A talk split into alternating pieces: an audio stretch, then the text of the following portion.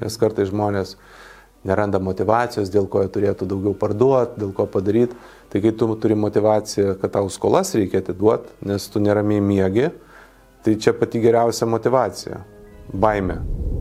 Tomas Kriščiūnas Verslininkas, pardavimų strategas ir treneris, net dviejų gausaus skaitytojų rato sulaukusių knygų autorius, kaip jis pats sako, kasdien gyvenantis užturbintą gyvenimą.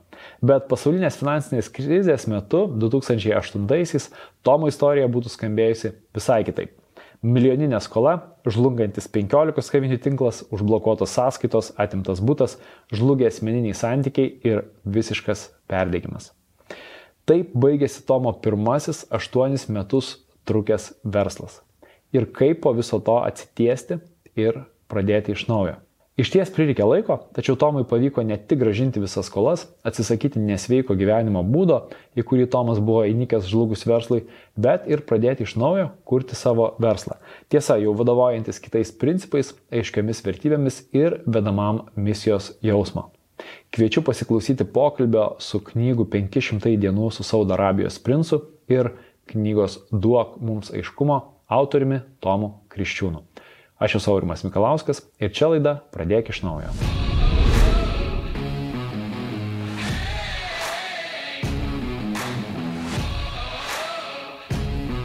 Sveiki, aš esu Aurimas ir čia laida Pradėk iš naujo. Šioje laidoje mes, na, šią laidą aš skiriu tiems žmonėms, kurie galbūt jaučiasi užstrigę gyvenime, gal jaučiasi pasirinkę ne tą specialybę, gal pradėjo verslą, verslas žlugo, gal nepajo, gal jie dvėjoja dėl savo verslo ir norėtų galbūt pradėti iš naujo, bet jiem trūksta kažkokio papildomo spyrio, gal motivacijos, gal įkvėpimo. Ir kalbuosi su žmonėm čia, kurie tą jau padarė ir dažnai, dažnu atveju padarė ne vieną kartą. Ir šiandien laidoje aš turiu svečią, su kuriuo mūsų keliai taip susėjo labai įdomiai. Iš tikrųjų, e, Tomas Kriščiūnas yra išleidęs jau ne vieną knygą, e, yra parašęs knygą 500 dienų su Saudo Arabijos princu. Ir antroji jo knyga yra Duok mums aiškumą. Ir taip gavosi, kad aš kaip audiotekos įkūrėjas sužinojau, kad Tomas vieną knygą leido pas mus, tai buvo 500 dienų su Arabijos princu. Ir Aš tuo metu kažkaip nesusidomėjau, tai buvo knyga, kurią mes ne kaip leidėjai leidom, o tiesiog mes ją įgarsinom.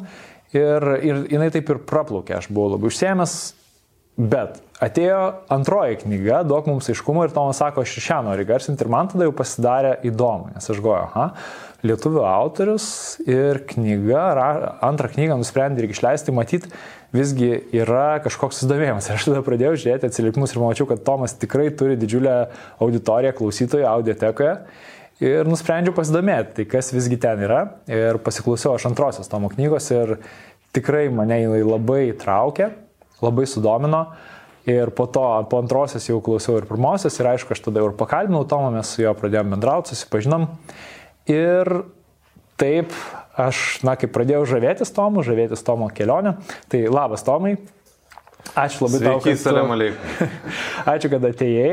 E, ir aš taip žinai vis tave kaip sutinku, tai tu arba ką tik iš Bahreino, arba pakeliui į Bahreiną. Šį kartą taip pat. tai kas yra su to Bahreinu? E, šį kartą ne tik iš Bahreino, šį, apskritai iš artimųjų rytų. Uh, šį kartą ir iš Bahreino, ir iš Dubajaus. E, ir tarp kitko, mano galva, Kipras irgi taip pat artimųjų rytų dalis. Mhm. Labai panašus žmonės savo e, mąstymų, vertybėmis, tik tai kita religija. Et politiškai e, ir, ir tas pats požiūris netgi, sakykime, į vertybės, į šeimą, tai Tai mano galva Kipras tikrai. Ir aš jau paklausiu, sako, taip, mes to gal nenorim pripažinti, bet mes tokie. Tai prilipo man tie artimieji rytai, iš tikrųjų. Tai galima sakyti taip, apvertė, apvertė mano gyvenimą. Labiausiai iš tikrųjų mhm. turbūt gal ir knygų iš tikrųjų požiūrių, nes e, kaip ir dirbau, ten gyvenau, bet tas turbūt tas pats toks poveikis, gal knygą skaitant ar klausantys žmonėms atrodo, kad, kad artimieji rytai, bet greičiausiai pas didžiausias poveikis aš pas dar taip ir negalvoju, greičiausiai ir bus knyga, kuris visiškai naujas. Nors aišku, artimieji rytai ir Bahreinas buvo buvo visiškai naujas etapas, naujas iš mhm. naujo, o prilipo e, pirmiausia žmonės, kita vertus, aišku, tas paslaptingumas arabiškas. Mane labai žavi žmonės apskritai, kurie turi stiprės vertybės. Tai bent tuos, kuriuos aš sutikau, tai jie su gal ne visom mum suprantamom, sakykime, europiečiam ar, ar primtinom, bet, bet su tvirtom. Aš tokius vadinu žargonų believeriais ir tas pats, gal keistai nuskambės Osama bin Ladenas, bet uh, labai vertybiniai žmonės. Aš nepritariu, aišku, terorizmui mm. jokių būdų, bet, bet mane žavi žmonės, kurie ir knygoje aš aprašęs, kad žmogus, kuris galėjo gyventi rūmose, kokiuose tik nori, kokioje pasaulio šalyje pasirinko gyvenimo lose, bet įdomu panagrinėti. Kodėl? Aš taip, e, mes žinai, aš manau, kad iki Bahreino mes dar šitam pokalbėje sugrįšim, bet aš taip trumpai dabar paklausiu laido žiūrovams, kurie galbūt tavęs visiškai nežino, ką tu ten visgi veiki? E, kai rašiau knygą, tai aš tuo metu turėjau tiesiog darbą, buvau įmonės e, ir įmonės jau ir įmonės pardavimų vadovas. Mhm. E, savo bičiulio Salmano, kuris įsiaiškinau, yra Saudo Arabijos princas, ne Crown princas, aišku, kai, kai kurie sumaišo ir klausia, klausia, bet vienas iš princų, ten yra jų e, gal koks dešimt tūkstančių, yra dar aukštieji ten mhm. E, princai, kurie, kurių galbūt apie geras tūkstantis. Tai e, dirbau darbą, e, rimtą, atsakingą ir, ir ten ir kilo mintis parašyti knygą. O dabar tai e, dažniausiai ieškau lietuviškom įmonėm kelių į artimuosius rytus arba iš ten kelių arba kažkokiu tai produktų į, į Lietuvą. Okay. Be to turiu, aišku, gausybę draugų. Man tas regionas patinka. Vieniems, vieni apsisuka, grįžta iš karto. Man tai pirmom dienom irgi buvo, galvoju, neištversiu. O kiti pamilsta. Tai aš tą šalį pamilau, man jinai artima, patinka. E, labai aktyvus social life vyksta. Mhm. Dar truputį ir arabų kalbą mokausi. Taip kad uh, Man ten gera visada nuvažiuoti, pabūt ir toliau. Gerai, tai dabar aš norėčiau išsiaiškinti, kaip tu ten atsidūrai, nes mhm. nu, tavo gyvenimas yra tikrai labai įspūdinga kelionė su daugybė visokiausių pakilimų ir nuopolių ir nu, man įdomu būtų prasėti. Gal pradėkim nuo, nuo pačios pradžios, šiek tiek nuo tavo vaikystės, Gal tu gali šiek tiek papasakoti apie tai, nes vėlgi, tu turi, tu, tu tikrai ir esi dirbęs ir samdomus darbus, esi ir verslą savo turėjęs, su verslu ten visokiausių nuotikių buvo. Ir vėl jaunasis verslininkas sulaukęs 50. Ir dabar vėl jaunasis verslininkas, ar ne? Nu, va. Tai įdomu, kaip tu čia atsidūrai, pati pradžia, tavo tėvai, kaip tavo tėvai augino tave? Augino taip, kaip aš manau, augino daugelis dabar paskaitau, net juokas įma, taip, taip jau skundžiasi savo tą vaikystę. Augino taip, kaip aš manau, augino turbūt nu, 95 procentus e, vaikų gimusiais 70-mečio e, pradžioje. Mhm. Tai e, ką galėjo, tą skyrė geriausiai iš savo tų menkų rublinių atlyginimų. Dabar man aišku, tuo metu man buvo neaišku, tai šiais, šiais terminais kalbant būtų sovietinė middle class, o tais laikais ta sovietinė vadinama inteligentija, kuri nepriejo ir visa ta iškreipta ekonomika laikėsi tie, kurie uždirbo, tai laikėsi ir kažką tai e, aš juos taip knygoje įvardinęs arba halimščikai, arba spekuliantai, mano tėvai tokio prieimo neturėjo ir nesugebėjo iš tikrųjų, nes tai mhm. reikia prisiminti, buvo ta pirmoji karta nuo iš tikrųjų pokarinė Ir, ir tie žmonės, kurie tą pradėjo, tą, sakykime, tuo metu vadinamą tą, tą priekybą spekulaciją, jie dažniausiai jie jaunesni šiek tiek buvo. Mhm. Taip, tai, tai, tai taip ir aš augau, ką, mokykla, kiemas, uh, uh, kadangi aš metais jaunesnis už brolį, tai dažniausiai brolio rūbai. Ir čia tarp kitko labai svarbus aspektas, kurį aš suvokiau tik tai rašydamas knygą. Nes aišku, puikiai žinau, kad viską, ką mes turim, atsinešam iš vaikystės, bet labai geras klausimas, Aurimai, bet taip, kad tiek daug atsinešam, tai aš suvokiau tik tai knygą rašydamas. Kai aš pradėjau analizuoti ir, ir netgi tos mano keitimai, pradėjimai,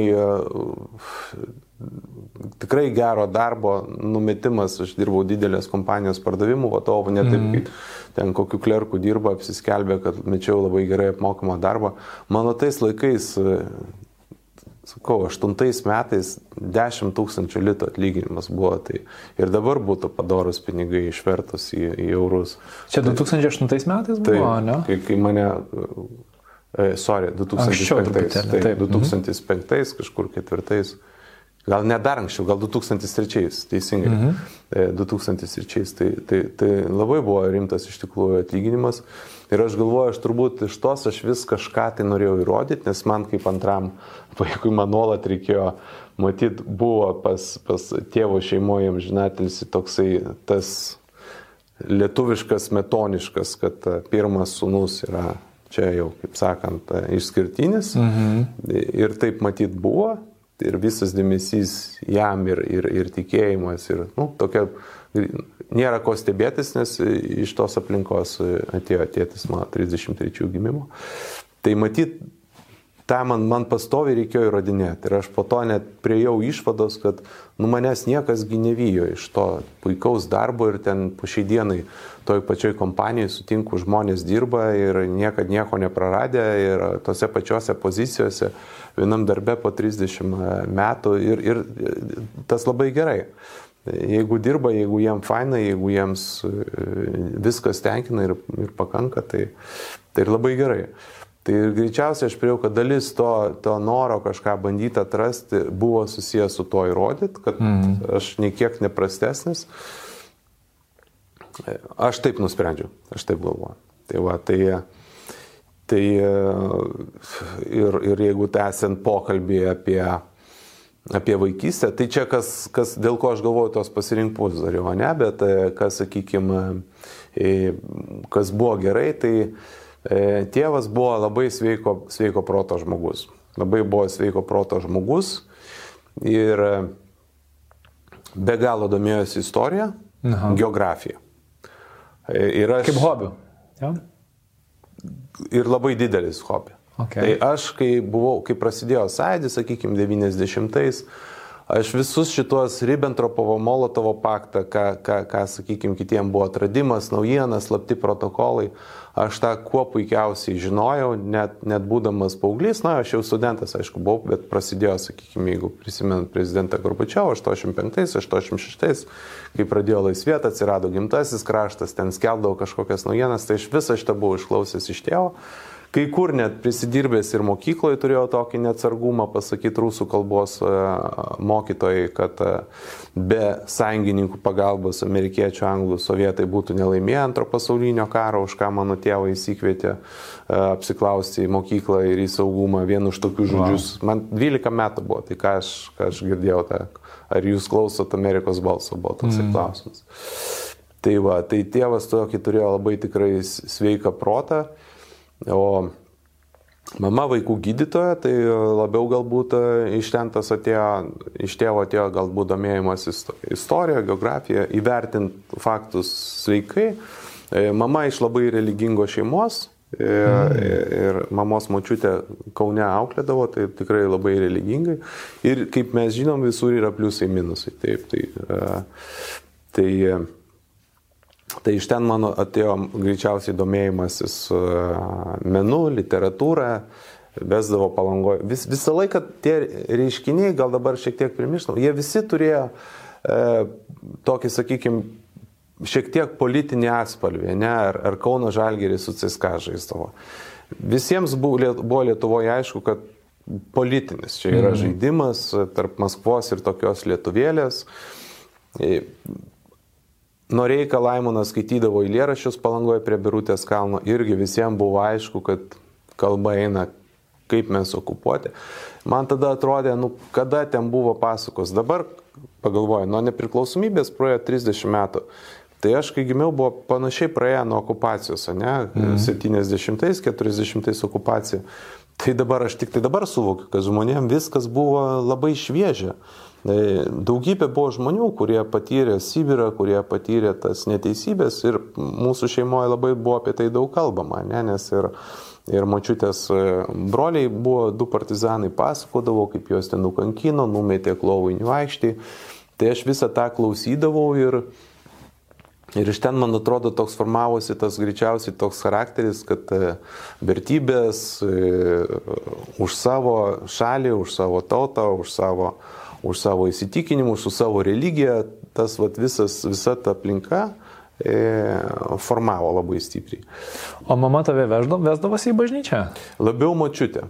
Aha. Ir aš labai nenorėjau, labai man nepatiko ir, ir mamai tą pasako dėl to, kad uh, Dėl to, kad e, religija, Dievas mano supratime buvo baimė. Mane augi, mhm. augino Dievo baimingumu, kaip turbūt irgi dauguma to meto vaikų. Ir, ir aš tikrai savo vaikams pasakiau, aš to nenoriu, kad iš baimės išdirbėčiau, eidamas prie pirmos išpažinties, kokios ten nuodėmės pas septynmetį, aštuonmetį vaiką, mm. ten kažką pamelavai, kažką sudaužiai, kažko nepadarai. Bet man buvo labai baisu, nes aš buvau prigazdintas tais visais pragarais ir, mm. ir aš jais iš tikrųjų tikėjau. Ir, ir Ir laimytas pasikeitė, ką čia kalbėt, kas buvo blogai, laimytas pasikeitė. Dabar aš kaip prisimenu ir aš kažkada su tėvu dar kalbėjau, tėvas kartais trauklėdavo ir kaip pasakyti, ir rausi ten kažką, tai ir užveždavo, tai aš priminėjom kažkada, tai tėvas sako, aš net nepagalvojau, nes sako, mūsų tai apkuldavo kaip turi būti. Yeah. Gaudavom nuo, nuo, nuo savo tėvų. Normalu buvo. Taip, kad sako, atsiprašau, jeigu taip tau liko kažkas tas. Tai mokykloje net, tai nuo darbų mokytojo aš gavęs jausi kažkokį pikliuką sulaukiau, dabar būtų nu, milžiniškas skandalas.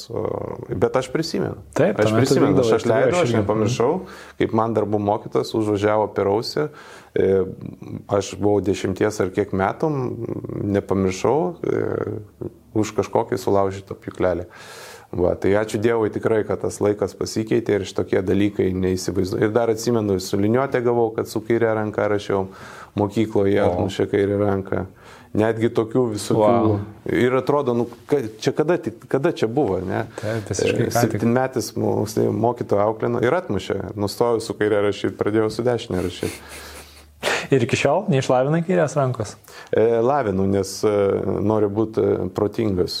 Žinau, kartais bandau dantis įsivalyti, žinau, kad okay. reikia pusrutulius, kartais pakreivazoju, dantis pabandau įsivalyti. Labai įdomi patirtis, tarp kitko, atrodo, toks, tokia smulkmena, bet tiek su... Naujas jungtis, kuri savo smegenyse. Taip, taip, taip. Yes. Žinau šitą, kažkur perskaičiau ir, ar, ar išgirdau, tai specialiai specialiai pabandau. O ko tu svajojai būti, vat, dar pasiliekant šiek tiek vaikystėje, -hmm. buvo kažkas, kad tu žinojai, kuo tu norėsi būti? Geras klausimas. Aš manau, kad mano tikslas buvo matant tą visą finansinį nepriteklių, mhm. per kurį mūsų šeimoje, nes e, jeigu tėvai turėdavo kažkokį konfliktą, tai tik dėl pinigų.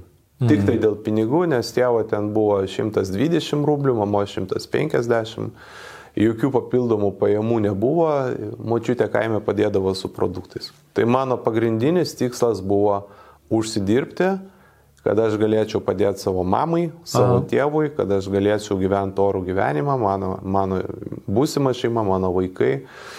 Ir labai sunkiai tas ėjo ir aš galvoju, čia, tie, čia atėjo tas. Vienintelis, ką aš žinau, kad aš, noriu, kad aš nenoriu gyventi finansiniam nepritekliui. Tai, tai man buvo aišku. Kuo aš norėjau dirbti keitėsi irgi. Ir gydytojų norėjau, ir, ir norėjau ir, ir kolhozo pirmininku būti, norėjau. Ir kosmonautų ne, nei kosmonautų, nei milicininkų nenorėjau. Norėjau autoservise dirbti, ten, kur aš jaučiau, kad e, gydytojas, tai man ir keitėsi tarp kitko su knygom. Aš perskaičiau Šveicerio knygą apie jo, apie gydytoją Šveicario, apie jo darbus Afrikoje. Aš baisiai norėjau gydytojų ir mano buvo svajonė važiuoti padėti. Bet tave įkvėpia tai, e, sakykime, pati misija gydytojo, ar tai įkvėpia, nu, kad jisai... Misija, šiuo atveju misija. A, misija nebuvo, ir jis pinigų užsidirbdavo. Ne, šveiceris netoks ne, ne, ne jo tikslas buvo. Ja. Priklausydavo, priklausydavo matyt, kaip, kaip, va čia iš čia gal ir ateina tas, kad tas sugebėjimas ir gal man dėl to mano dabartiniai profesijų pardavimuose sekasi, kur, kur reikia persikūnyti su bendraujant su skirtingai mhm. žmonėm. Tai gal man dėl to ir sekasi, kad aš išlavinau tą gebėjimą prisitaikyti neišduodant savo vertybių. Tai man tos knygos buvo, aš perskaitau Šveicerio, aš noriu būti gydytoju. Aš perskaičiau e, Putino šešėlio altorių šešėlį, aš norėjau būti kunigu. Aš perskaičiau e, ir kartais tos vat išlyzdavo tos jau pelningos, ne, ne tos tokios e, romantiškos kažkokios tai profesijos bet ten kokių, nu, bet ir mokyklą darydavo. Aštuntą klasę baigė, mhm. nesvarbu kaip tu mokaisi, ant tavęs užgriūna visa, e, kaip sakyti, sistema, kad išeiti iš vidurinės mokyklos tuo metu pagrindinės ir kadangi reikėdavo mokytam tos profesinės, vadinštas, e, profkės vadinamas, su, su tam tikrą kiekį moksleivių suorientuoti. Tai va, tai tėvai man aišku pasakė, jokia tu profkį neįsi, nors aš nieko blogo neturiu, nors aš jau buvau suplanavęs dirbti to šalkalbį ir, ir užsidirbti. Tai tas vat persipinė. Ir dabar aš tai jaučiu, man, man, man tas tie būdų dalykai įdomu. Mm. Ir, ir finansinė gerovė, ir... Ir svarbu, kad kažkas iš to būtų, ar ne? Ir svarbu įdomu gyventi, taip. Okay. Ir svarbu įdomu gyventi. Gerai, e, tada pereikim dabar į tavo DHL etapą. Ir ypač siejant su ta tema, vat, pinigais, ar ne? Nes, nu, tu pats sakai, kad daičelė, kai dirbai, uždirbdavai daug pinigų. 10 mhm. tūkstančių litų. Nu, čia aišku, ne iš karto turbūt, iš pradžių pradėjai šiaip kaip pardavėjas ir paskui pardavimų vadovas ir Taip. tau net siūlė vienu metu vadovą, ne? Taip. Poziciją. Tai įdomu, kas va čia atsitiko, nes kai tu pradėjai dirbti, nu, pardavimų vadovų, tu uždirbai jau pakankamai, nu toks pakankamai, Taip. kad pragyventi tikrai tuo metu Lietuvoje oriai. Taip, ne, ir tavo... Ir nusipirkau noras... ir būtą, ir, ir prieš tai, prieš tai dar mano karjeroje buvo tokia valstybinė gamykla Stumbras, kur, kur, bet ten nebuvo labai mhm. stebuklinga kažkas tai tokio. Ir ten tuo metu, kas, kas buvo blogai, ko laimiai tiek daug nebeliko, bet dėja vis dar yra kad keičiantis politiniai valdžiai keisdavosi įmonės vadovybė. Mm. Ir ten tie vadovai būdavo prieš vienus rinkimus pasikeičia, praeina kiti rinkimai, grįžta buvęs vadovas. Tai man ten buvo irgi įdomumo prasme, nes aš ten tais laikais buvo anglų kalbą mokėti, 95 buvo kosmosas kažkoksai tai vienetai, gal ten baigė su sustiprinta anglų kalba mm. mokėjo. Ir aš pasidaužęs po Angliją, kur mano buvo pirmasis nuo durų iki durų pardavėjo darbas, E, mokykloje mokiausi vokiečių, e, kadangi tėvas pasakė, tu niekur anglų nepanaudosi, o Vokietijoje bent šitoj demokratiniai e, VDR pasikalbėsi vokiškai. Tai mes ten keli vaikai visi nusprendė, kad mokysis anglų, nes anksčiau ir vėliau pabėgs į Ameriką, kas buvo visų kiemo tikrai Amerika buvo, reikia tą su, suvokti, kokios, kas, o giminių daug kas turėdavo Amerikoje iš, iš tos kartos. Ar ten kokios kramtomos gumos atveža, kam ten kokią ten tą maikutę. Tai ta Amerika atrodė svajonių svajonių šalis ir kiek ten sovietai ant jos, kaip sakyt, varė, to tas įsitikinimas gilėjo, kad va, galutinis tikslas ten. Kad Amerikoje va, vis, viskas, viskas yra fantastiškai. Iš to ir visi vaikai svajojo kiemo, kad reikia anglų mokytis, ten atsirasdavo tų pabėgimų, kažkiek jau, jau pradėjo išleisti ant sportininkų, sakykime, mane galėdavo išvažiuoti. Tai, bet man tėvas orientavo į vokiečių. Tai aš ten nusikabinau Anglijoje, vaikščiodamas nuo durų prie durų, nusikabinau mokytis. Nes Aha. aš nuvažiavau nemokėdamas tiek, kiek aš išklausiau iš, iš, iš vinilinių plokštelių, iš, iš, išmokau iš bitlų dainų, ten tos keli žodžius, žinau, ką reiškia. Va, tai, tai ta pati pardavėjo karjera ten, ten prasidėjo mano, nes mhm. man buvo labai nefaina vaikščioti po tos namus, žiauriai nefaina, bet ten gavau gerą pamoką, kad ne visą laiką tą, ką darai nefaina, tau yra blogai. Mhm. Kad ką darai nefaina ir, kur, ir plus tas spaudimas visas, ne, kad kaip koks čia spekuliantas su daiktais vaikštai iš tos, va, tos kur ateini iš tos, ne, iš tos, sakykime, aplinkos, ne? Kaip, kaip čia tu dabar, bet nėra ką daryti, kito, kito pasirinkimo nėra. Mm.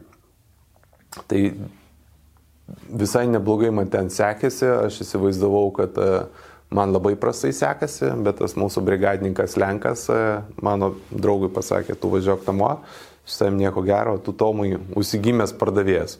Okay. Aš pirmą kartą išgirdau, nors galvoju, aš visiškai netinkamas tam darbui, man kažkaip nesmagu, nepatogu. Tai ir aš mokiausi e, inžinieriaus specialybės.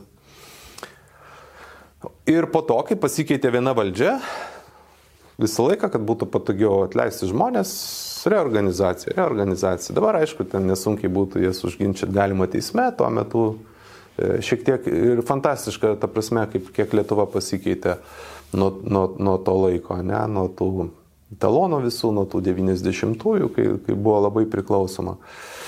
Ir, ir, ir po vienos tos atėjo vėl nauji politikai, nauja valdžia, Aha. nesakysim kokie, ir visi, kurie ten buvo likę prie nuo, mus visus nurašė. Ir aš tiesiog skelbimą atradau, kad e, kurierinė kompanija ieško, ieško darbo ir, ir e, aplikavau į tą poziciją ir laimėjau. Laimėjau poziciją. Ir kas tenais nutiko, tai aš galvoju, čia keli dalykai susipinė. Vienas tai aišku yra, man tuo metu buvo atrodė jau pakankamai daug, bet dabar galvoju tik 28. Mhm. Ir aš buvau numatytas įmonės vadovų, bet paskyrė kitą tokį bičiuką, kur mes kartu futbolą žaisdavom, bengrą okay. tokį iš Rygos. Ir jis ten labai pradėjo vadovauti ir aš galvoju, nelabai tu man pavadovausi. Ir jeigu jūs manęs nepaskiriat, nu maždaug taip, tai Dabar, aišku, šitai žiūriu, kai tokį, nu, vaikiškumą, kažkokį nepasitikėjimą. Ir kitas dalykas, aš iš tikrųjų labai norėjau išbandyti save savarankiškam versle, savarankiškų vadovų, nes jaučiausi, kad esu pribrendęs, iš tikrųjų. Mhm. Labai daug ten apmokymų buvo ir, ir man tikrai gerai sekėsi, aišku, galbūt dabar aš e, kitaip žiūriu į, į, į verslą, į vadovavimą. Tuo metu jisai buvo toks, kokį aš mačiau aplinkui. Kas, kas, kas atrodė geras vadovas, tai visiškai skiriasi nuo to, kas dabar yra geras vadovas. Tikrai. Taip. Ir, ir, ir, jo, ir kitas, tai, tai čia toks dalykas, tai keli dalykai.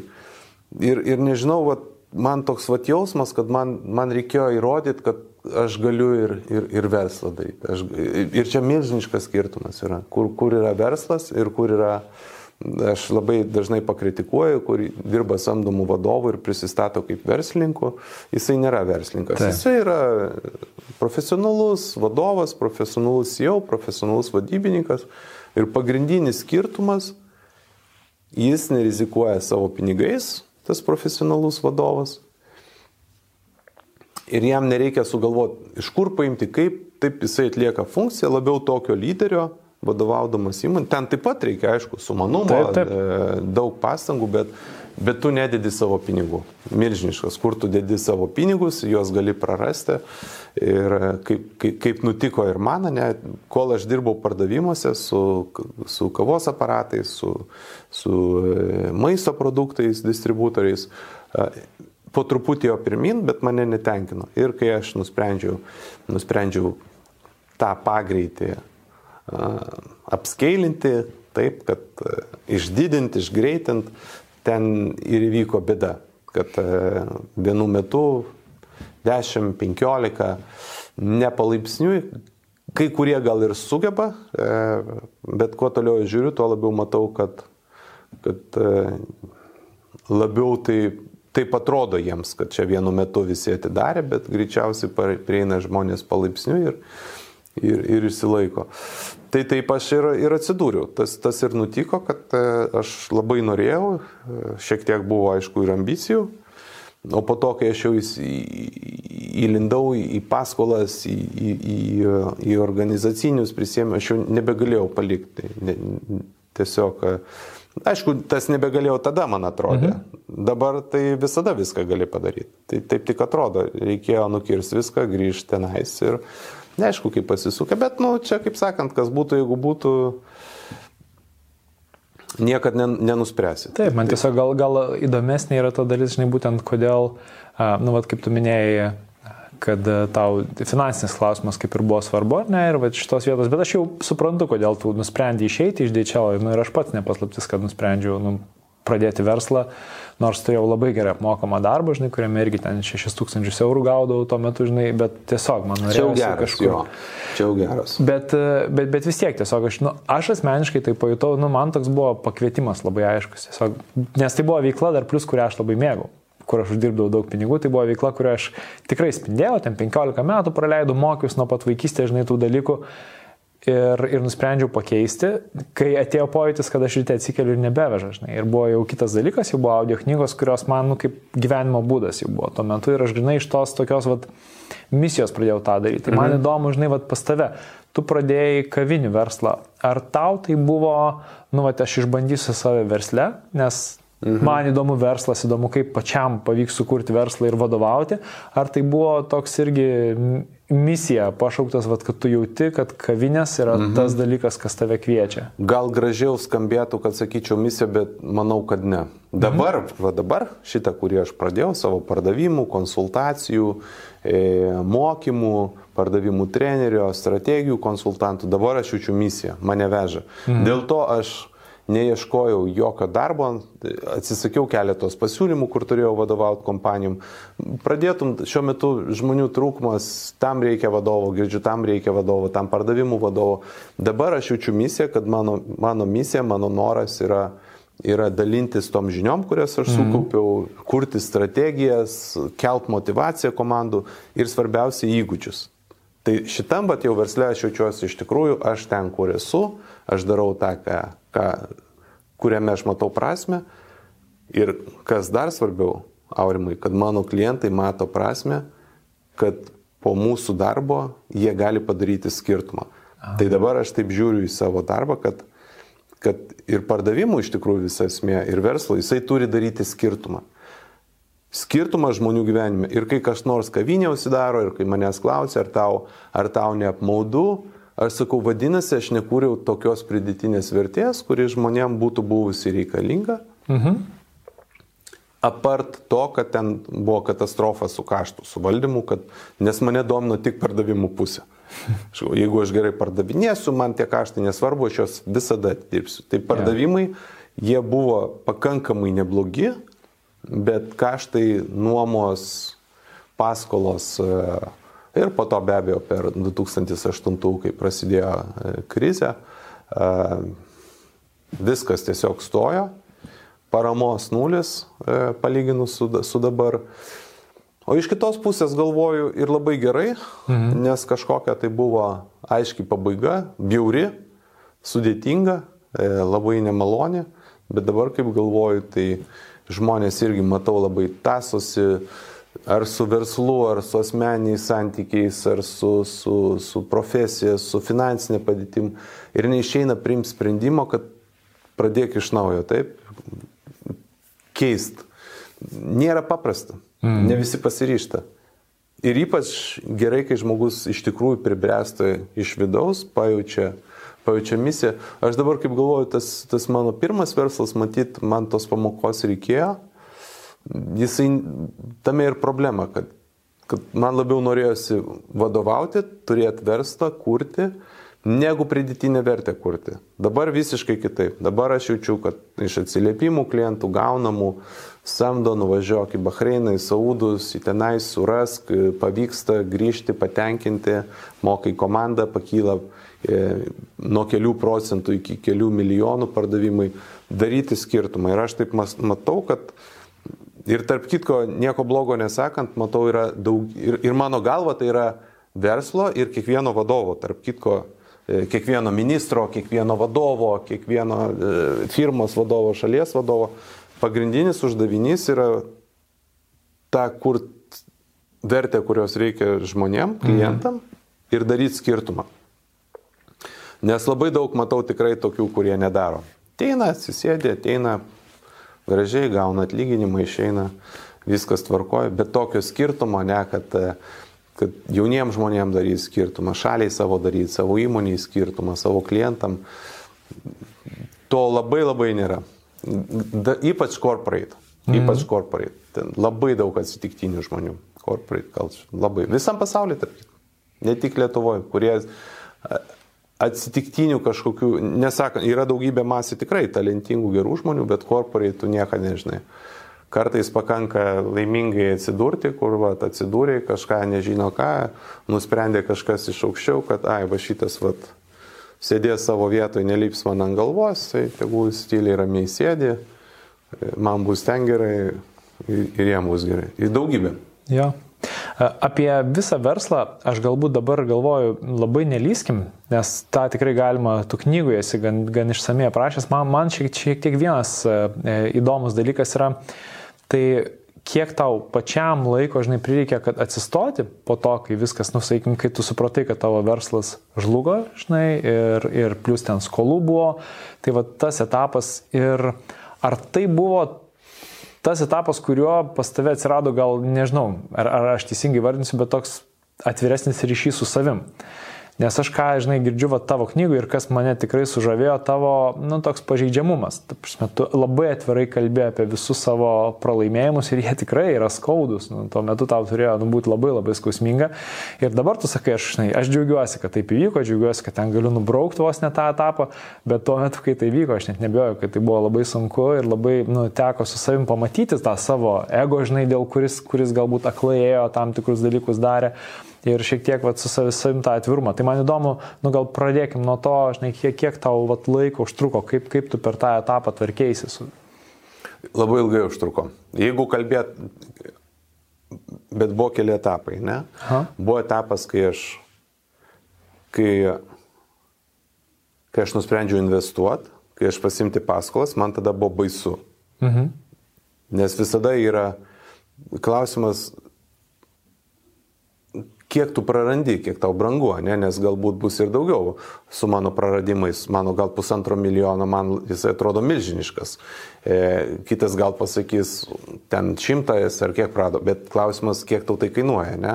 Mhm. Tai man kainavo tiek, kad aš likau be namų, be šeimos, be pinigų, be darbo, be verslo ir faktiškai atsidūriau gatvėje. Ir dar liko skolos. Tai, tai man kainavo be galo brangiai. Mhm. Ir aš daug nežinau tokių žmonių, kurie, kurie nu, būna, kam nepasiseka, ten ką apgauna kažkaip, bet, bet kurie turėtų skolas ir dar jie jas gražintų. Nes aš dar jas ir gražinau po to, atidirbau.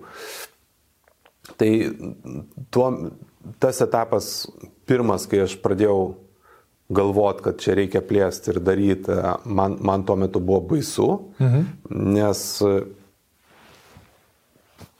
didžiulė nežinomybė, nežinai, pasiseks, nepasiseks, ne, kai, kai tau reikia įdėti, kai tu į kapeksą pinigus, e, dabar yra nemažai verslų, kur tų įdėjimų, kaip sakykit, daug, daugiau technologijos, ne, know-how mhm. veikia tavo patirtis ir mano šiuo metu, ne, kažkokie įdėjimai yra mano žinios, mano laikas, mano pasiruošimas, mano, mano perdavimas, bet kažkokio tai kapekso ir ypatingai, kai jisai keliauja ne į savo patalpą, sakykime, ne, į nuomotas, į priekybos centro, tu, jų, tu jo neįsineši, tu tą suvokė, ne, bet nu, jau nebėra kur trauktis. Jeigu tu pasirašė sutartį, ką ten darysim, tai daugumai sekasi, galvoji, nu, turi ir tau sektis, mm. bet ta mhm. nežinomybė jau ta baimė vis tiek veikia yra.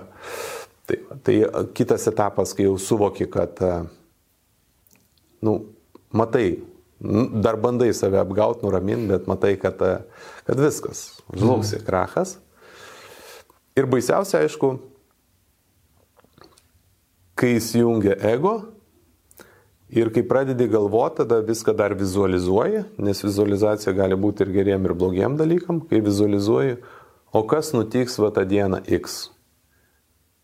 Nes masė baldų, masė tų per 15 kavinių, tai aš jau nekalbu ten kokias šakutės, peilius, e, lėkštutės, ten kokteilinės, e, malūnėlius, e, vandens minkštintuvus, Tai viską iš penkiolikos reikia dauginti, bet aš mhm. kalbu apie baldus, kur ten kokie galingi barai, sofos, foteliai, stalų ten šimtai kėdžių. Tai visų pirma galvoji, va taip žiūri į save iš šono ir galvoji, va jisai eina, belka iš, mhm. nors iš Akropolio, iš panoramos, velka savo baldus neša ir visi stovi ir va nevykėlis.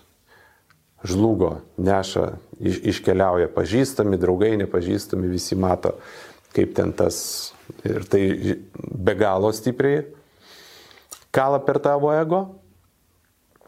Ir kitas, kai tu įsivaizduoji, kad ateina tie žmonės juodais kostiumais antstoliai ir pasako, duok savo raktus, dabar mes čia gyvensim, nebe tu. Mm. Ir kur tau eiti, ką tau daryti, kur tau dinkti. Tai, tai man šitie, kiek aš pamenu, man šitie etapai buvo, buvo patys sunkiausi. Tai čia tos krizės viršūnė, jau kai prasideda pats procesas, jau kai pradedi gauti laiškus, viskas mes nutraukiam sutartį, uždarom, išeinam, bankas atsiunčia, kad e, turi toj pat per 15 dienų padengti, jeigu ne, viskas po 15 dienų. Tai va šitas jau buvo pikų pikas, tai tada aš taip ir sakau, jau per, per šitą aš net laikau, per šitą mm. aš e, susiradau geriausius du draugus, su kuriais dalinausi savo skausmu, vynas ir viskis nes tiesiog nežinau, kur dingti. Ant tiek buvau įspaustas į kampą, kad, e, nu, nenoriu sakau, kad nuskambėtų čia ar kažką čia su, su, tikrai vengiu šitų, bet tikrai aš nemačiau jokios prasmės gyvenime. Galvoju, aš, nu, lieka man tos skolos 350, mane iš visur išmeta kam aš su tokia CV būsiu reikalinga, reikalingas, ne, nei, nei manęs kažkas norės į darbą priimti, nei aš kažką tai padariaus nuveiksiu. Čia skola ir... 350 tūkstančių litų, ne? Taip, buvo. Mhm. taip. Ir tai už ją aš galėjau nusipirkti e, laisvai turbūt namą mažiausiai už, mm. tokią, už tokią sumą pagal tuometinės kainas. Būtai kokie turbūt keturi būtų išėję, bent jau fabuse, tai, tai turbūt tikrai kur aš po to ir nusipirkau pirmą po savo, po savo sugrįžimo į gyvenimą. Va, tai tada tas pats etapas buvo, nu, aš nežinau, visiškas beviltiškumas, pasitart nėra su kuom, prie to pačio subirėjo ir asmeniai santykiai. Ir vienintelis mano draugai buvo tėvai, bet, nu, ką, ką, ką jie man gali padėti. Mm. Atvažiuok pas mus gyvensi ir, ir, ir ir daugiau nieko. Tai net, net ir tęsiasi tas, kai, kai, nes kitos dar vilkosi tos kavinės, tai net dar tęsiasi, kai aš ir, ir jau, jau įsidarbinau, jau pradėjau savo, savo vadovo karjerą archyvų, archyvų kompanijai. Tai dar, dar apie porą metų tas, tas visas chaosas įtampa tęsiasi, kol, kol, kol paskutinės aš priejau nu, visiško, visiško mhm. uždarimo, nes ten vienur ten tas buvo, kitur ten buvo, e, bandžiau dar gelbėtis, e, dar kažkur ten papildomą taškelį atidaryti, bet niekas e, negelbėjo ir Ir va tai va, e, apskritai vis, vis, visą laiką buvo e, sudėtinga verslo. E, kai dirbi tokioje srityje, tai žmonės, kurie dirba, žino, nes e, tu kiekvieną dieną kažkokio sulauki sprikto ar smūgio, kažkas į darbą neišeina, kažkas ten vietoj mygtuko šviesą užgesinti išjungia ledų vitriną ateini iš ryto, eina savo, visi tavo ledai išbėga, visa produkcija šunio nuodegos. Jau ir taip tų pinigų nėra, mm. ne, jau trūksta. Dar ir tą reikia išmest. Negana to, tikrai bėda po vieną nevaikšto. Ateina priekybos e, centro atstovas ir pasako, kad kadangi tu prišiukšlinai, dar tu mums sumokėsi baudą ir galvoja, nu aš jau, jau taip jau parmuštas ant žemės, dar sumokėsiu baudą už šiukšlės, dar sumokėsiu už valymą, ateina iš darbo inspekcijos, ten kokio grafiko neranda. Vat, tokie dar dalykai. Duoda, duoda, duoda tokia kasdienybė, reikia žmonių, nėra, neišeina į darbą. Ir, ir ant galo matai, kad darai visus laimingus, visiems uždirbi, mokesčiams, sodrai, prekybos centram, darbuotojams, tiekėjams, visiems išskyrus savo kažkur esi minėjęs, kad tavo misija vienu metu turbūt buvo kuo daugiau žmonių atkalbinti nuo pradėjimo savo kavinės arba restorano. Ir dabar aš tą darau. Ir dabar aš tą darau, sutinku, ką, kas, kas kreipiasi, kiti net padėkojo man prieš COVID krizę, kad vat, perskaitėm laiminį nesidarom. Bet, bet kiek matau dabar, vėl liktai tas verslas klesti, nors kai įsijungi žinias, tai daugiausia žmonės būtent iš šitų sričių skundžiasi, skundžiasi ir verkia. Mm. Aš tai jokių būdų, kaip sakyta, jeigu jau labai nori žmogus kreipiasi, sakau, bent jau investuok į savo patalpas, nei, nei kitų mm. patalpas, bent jau savo susirask. Yra kam ten sekasi irgi labai fainai, tokiems, tokiems reikia paminklą statyti Vilniaus mieste, kas sugeba iš kavinių restoranų įsidirbti. O sunku, žiūrėk, buvo tau po verslo e, pereiti samdomą darbą. Toks Ne, nu, nebuvo. tiek nebuvo, ne? Nu, Nebuvo. tiesiog dėl to, kad Man buvo atgaiva. situacija. Ai, ok. Man buvo atgaiva. Aš grįžau į, į kompaniją, aš prisiminiau savo, savo tos kurierinės kompanijos laikus, kur tau faktiškai nu, tokių iššūkių nėra. Mhm. Kiekvieną dieną kažkad, ką nors kokią problemą išspręs. Tavo reikalas organizuoti komandą, e, organizuoti pardavimus, mažinti kaštus, e, vykdyti strateginę plėtrą. Man buvo atgaiva. Aš už tai net savo knygoje daug aiškumo prašęs, kam nepasisekė, labai rekomenduoju tokią pauzę padaryti. Nepult iš karto į kitą verslą, mhm. ieškot, kur jau čia, jeigu čia, nes tas pratesimas, va, apie kurį aš minėjau, dar porą metų tęsiasi, aš vis dar bandžiau įrodyti, kad, va, nu, o staiga va, atidarysiu sušių e, ir, ir, ir išspręsiu ir bus tokia istorija, kad atpirks man visą. Bus šuolis taiga vėl. Jo, šuolis bus vėl. E, tai va tas pabuvimas darbe, man jisai buvo tiesiog atgaiva. Aš tiesiog vėl atgavau ramybę, ateina laikas, gauni atlyginimą, dirbi, išeini, ypač toks verslas, kur e, yra biznis valandos, ne, mm. kur tu ateini, tas vadinamas, iš kurio labai dažnai šaipasi from 8 to 5. Man jisai buvo fantastiška pertrauka. E, Aš tik tai norėjau, sakau, susitarti uh, bonusus tokius, kad, kad jie jaustųsi, kad aš mhm. galėčiau iš tikrųjų atidirbti skolas, susidirbti savo ir, ir, ir, ir nesvarbu, kiek dirbsiu, bet vat, ką aš dabar galvoju, aš atėjau be galo alkanas į tą darbą. Nu, be galo pasiryžęs. E, Dabar gal net, nežinau, gali būti kam nors ir nesmagu, pri- kaip sakyti, išgirsti, jeigu kažkas, kaž, kažkas kelytą mano pasitaikė, bet aš atėjau nusiteikęs taip, kad pirmiausia žiūrėsiu, pagaliau aš žiūrėsiu savo interesų. Užtenka man dirbti kitiems, tenkinti kitų norus, aš pagaliau žiūrėsiu ir, ir tarp kitko ten irgi yra daryk tai, kas tau geriausia, nes laikas eina, praeina. Mm. Aišku, taip, kad galėtum ramiai mėgoti. Ne, ne taip, kad daryk, kad geriausia ir, ir, ir tai būtų susijęs su to, kad e, neramiai mėgotum, mm. kažką voktum, plėštum, machinotum. Ne, ta, ta ką, tas, kas nepažydžia tavo vertybinės, sakykime, skalės. Nes dar kartą įsitikinau, kad, na nu kaip, ypač jeigu tu dirbi corporate, jeigu tu dirbi vadovu, kiekvienas vadovas, kiekvienas žmogus gali sulaukti, kad Tomui fainas tu bičias, gerai variai, bet sorry, atėjo tas momentas, kad pakeitėm strategiją, mums tu nebereikalingas. Kiekvienam tas gali ateiti. Ir aš taip nusprendžiau, kad aš dabar dirbsiu ir gyvensiu taip, kaip man yra patogu, bet taip kaip duoti rezultatą, bet aš galvosiu ir apie save. Aš noriu susitart bonusus, aš noriu, noriu, noriu užsidirbti, noriu tikrai turėti ramius savaitgalius. Mhm.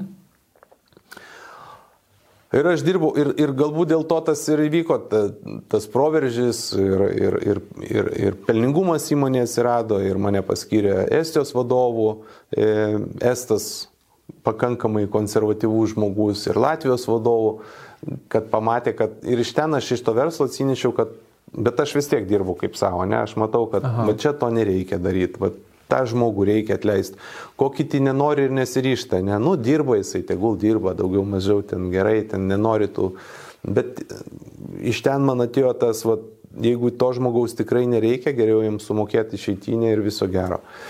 Ir, ir aš ten tokią reputaciją turėjau, buvau įsidirbęs, kad kur tik Tomas pasirodo ir Estijoje, kai paskyrė mane vadovu, Estas tas juokėsi, kad tuoj bus apkapotos nereikalingos galvos, taip ir buvo.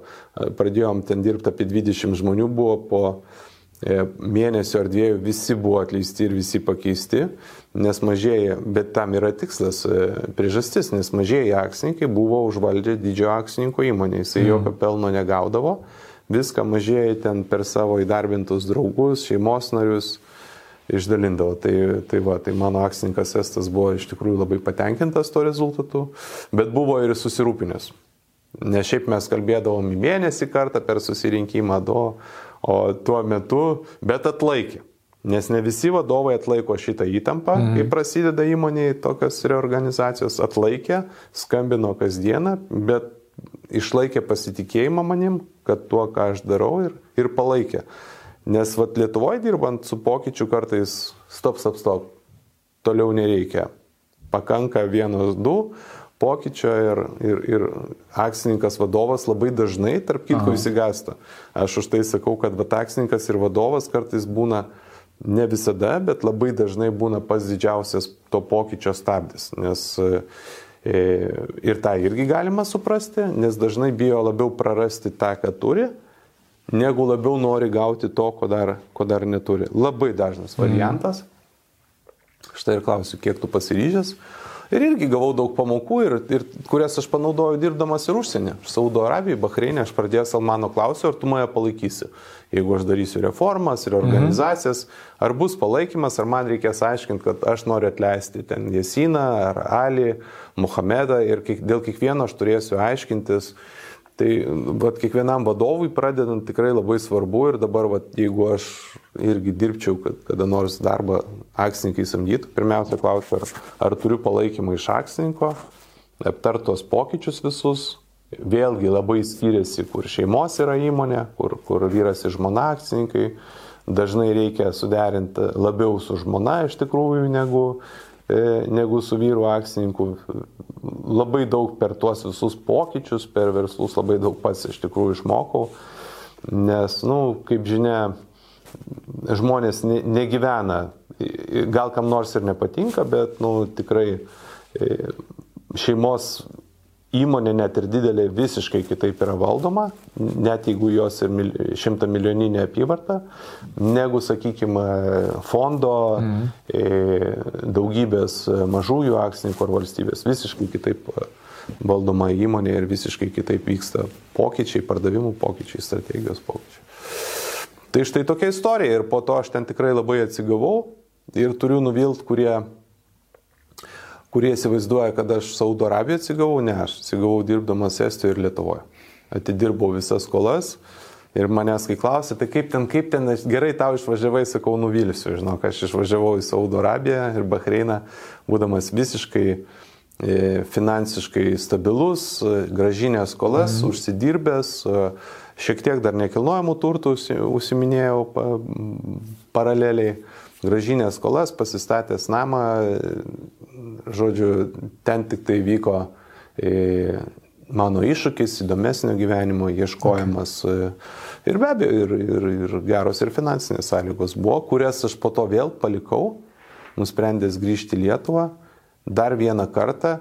Tai va aš už tai ir, ir, ir kai kalbu su žmonėm, tai pateikit man įrodymų. Ir aš savo knygoje rašau, ne, pateikit, ką jūs iš tikrųjų paukojate. Ar jūs Pavyzdžiui, tada buvo galitais tokia suma, dabar kurią aš paukojau buvo eurais, ne? bet aš mm. pasirinkau vertybinę, tuo metu norėjau kurti verslą, kuris man buvo svarbiau už, už, netgi už, už pinigus, už atlyginimą ir ramybę.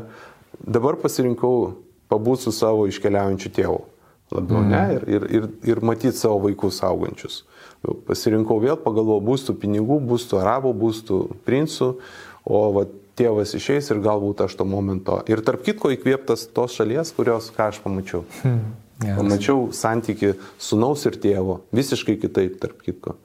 Kuris pas mus taip, vėl nieko blogo nesakant, bet kuris pas mus taip suvienodinamas, ten, na ne, ten taip. O, o, o ten, pavyzdžiui, ir vėlgi, aš manau, abu turi būti dideliai pagarbo ir tėvas, ir mama, bet ten va toks, va, tuose kraštuose pasakykim taip korektiškai, kad būtų nenuvertinimas tėvas, ne, ką mes girdim iš vyrų daug, dėl savo vaikų teisų turi kovoti, jeigu įvyko skirybos, ten užkraunama visa ten, sakykim, daugybė pareigų. Nu, žodžiu, ir aš savo knygoje irgi net kelis skyrius paskyriau, kad vyrams irgi reikia palaikymo. Mm. Ir labai daug reikia palaikymo. Ir, ir iš tikrųjų, ir mano turbūt geriausia tų knygų yra pasiekmė ar, ar, ar rezultatas, kad man iš tikrųjų Ne tūkstančiai, tikrai, bet tikrai keliasdešimt vyrų parašė, kad gražina knyga 500 dienų gražino viltį gyventi. Mm. Gražino viltį dirbti, gyventi, pakeisti gyvenimo būdą, suvokti, kad čia ne aš vienas toks einu per, per, per problemas. Tai man čia pats didžiausias atlygis, kai aš sakau, ten gali būti tas, anas, bet tuo metu iš tikrųjų aš jaučiuosi, kad, nu, paglostytas, paglostytas iš, iš aukščiau. Dėl ko, žinai, aš pradėjau klausimą šitą nuo uh, to darbo, nes vėlgi grįžtant prie, tarkim, laidos temų, žinai, žmonės bijo pradėti iš naujo dėl to, kad, pavyzdžiui, pradėsi verslą, nepais, kas tada?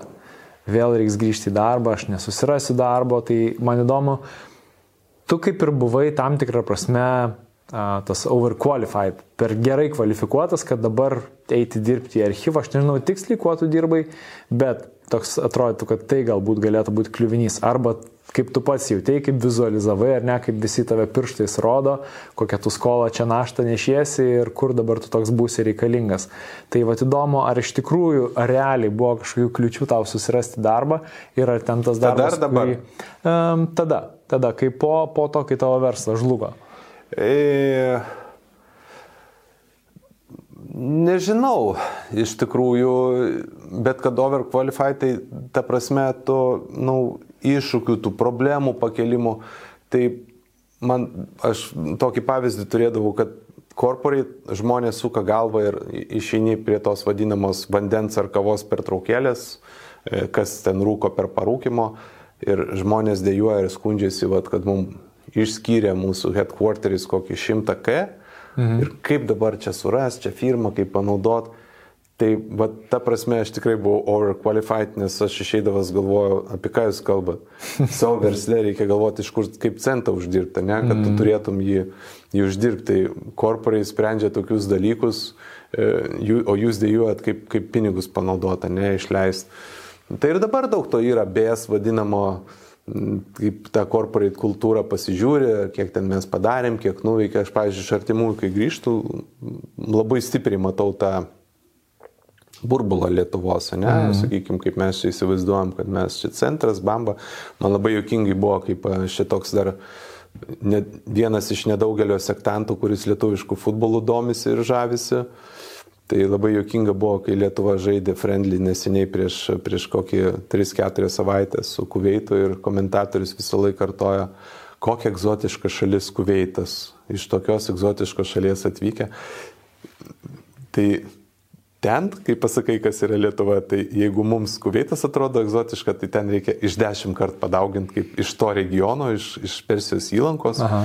kur, sakykime, pasauliniu mastu, ne, Kuveito krizė, Irako karas, Saudų pokyčiai, e, su Iranu įtampos visos amerikiečių bazės, e, Bahreinė 6000 jūros pėstininkų, e, Katarė keli tūkstančiai aviacijos bazė.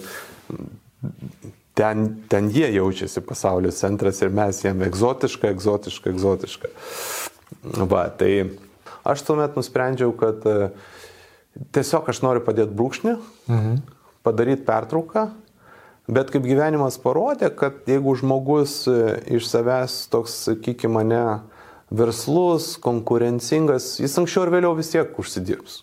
Anksčiau ar vėliau vis tiek e, padarys tą proveržę, ne? Ir, ir mano gyvenimas to paliūdimas, ne, kad, e, kad, kad vėl pradėjau iš naujo. Gal tas vėlgi labiau tiktų tuo metu, tuo metu aš nusprendžiau, kad man pakanka. Mhm. Man per akis pakanka to spaudimo, to laiko švaistimo, e, tų visų problemų, kad ir čia buvo tikrai puikus sprendimas. Ir jeigu kam neina verslė, tai žmonės paprastai verslė sukaupia tikrai daug tų, tų rūpeščių, tų mūsų resursas, ką aš ten išmokau, kūrybiškumas, ne, kad tų, tų problemų, kokių tu gausi, tu verslė išmoksti, kad, nu, nėra neišsprendžiamo, ne, mm. nėra kažkas neišėjo į darbą, pats stoja, ne, pats e, kavą darai, netėjo vyrės, išmoksti pats salotas. Galvoji, sudėtinga su salotom, surandi, tuo metu irgi buvo nelabai ne dar populiaru, taip ne, nebuvo, kitokie įpročiai. Mhm. tuo metu dar išėjimas į restoraną, kavinę buvo toks labiau, nu, sakykime, ant ribos, labiau toks prabangos galbūt dar dalykas. Ne taip kaip dabar tiesiog kasdienybė, ne? Daugumai žmonių, taip. ypač gyvenančių, gyvenančių miestuose.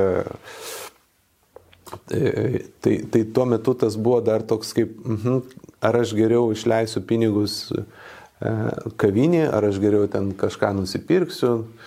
Va, tai kas yra, tarp kitko, sunkaus ekonominio gyvenimo pasiekmė.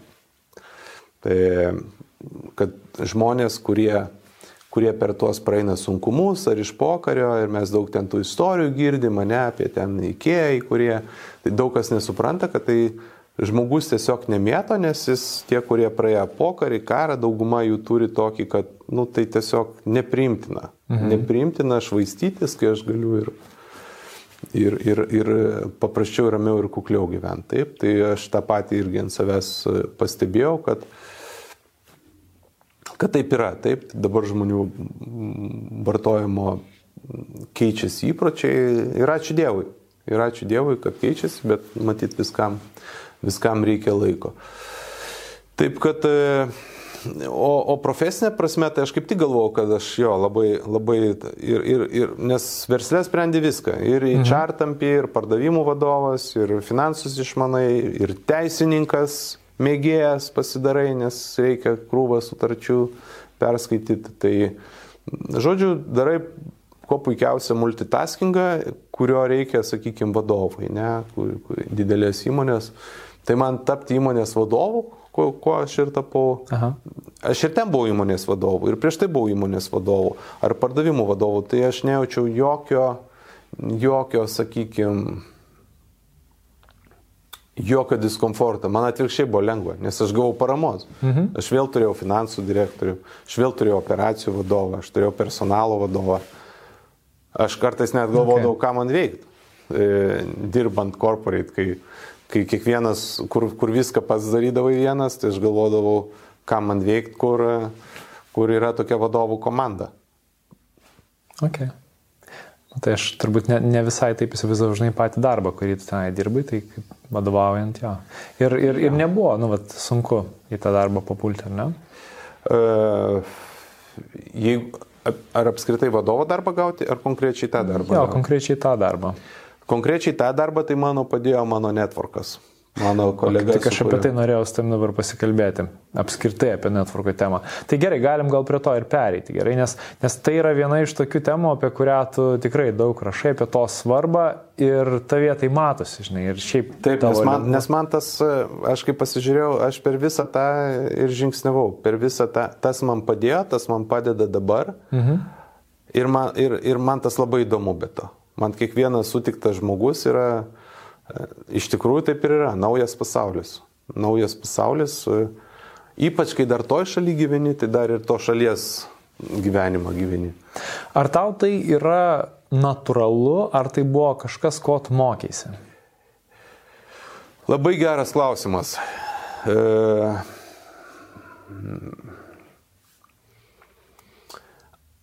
Aš galvoju, kad aš mokiausi.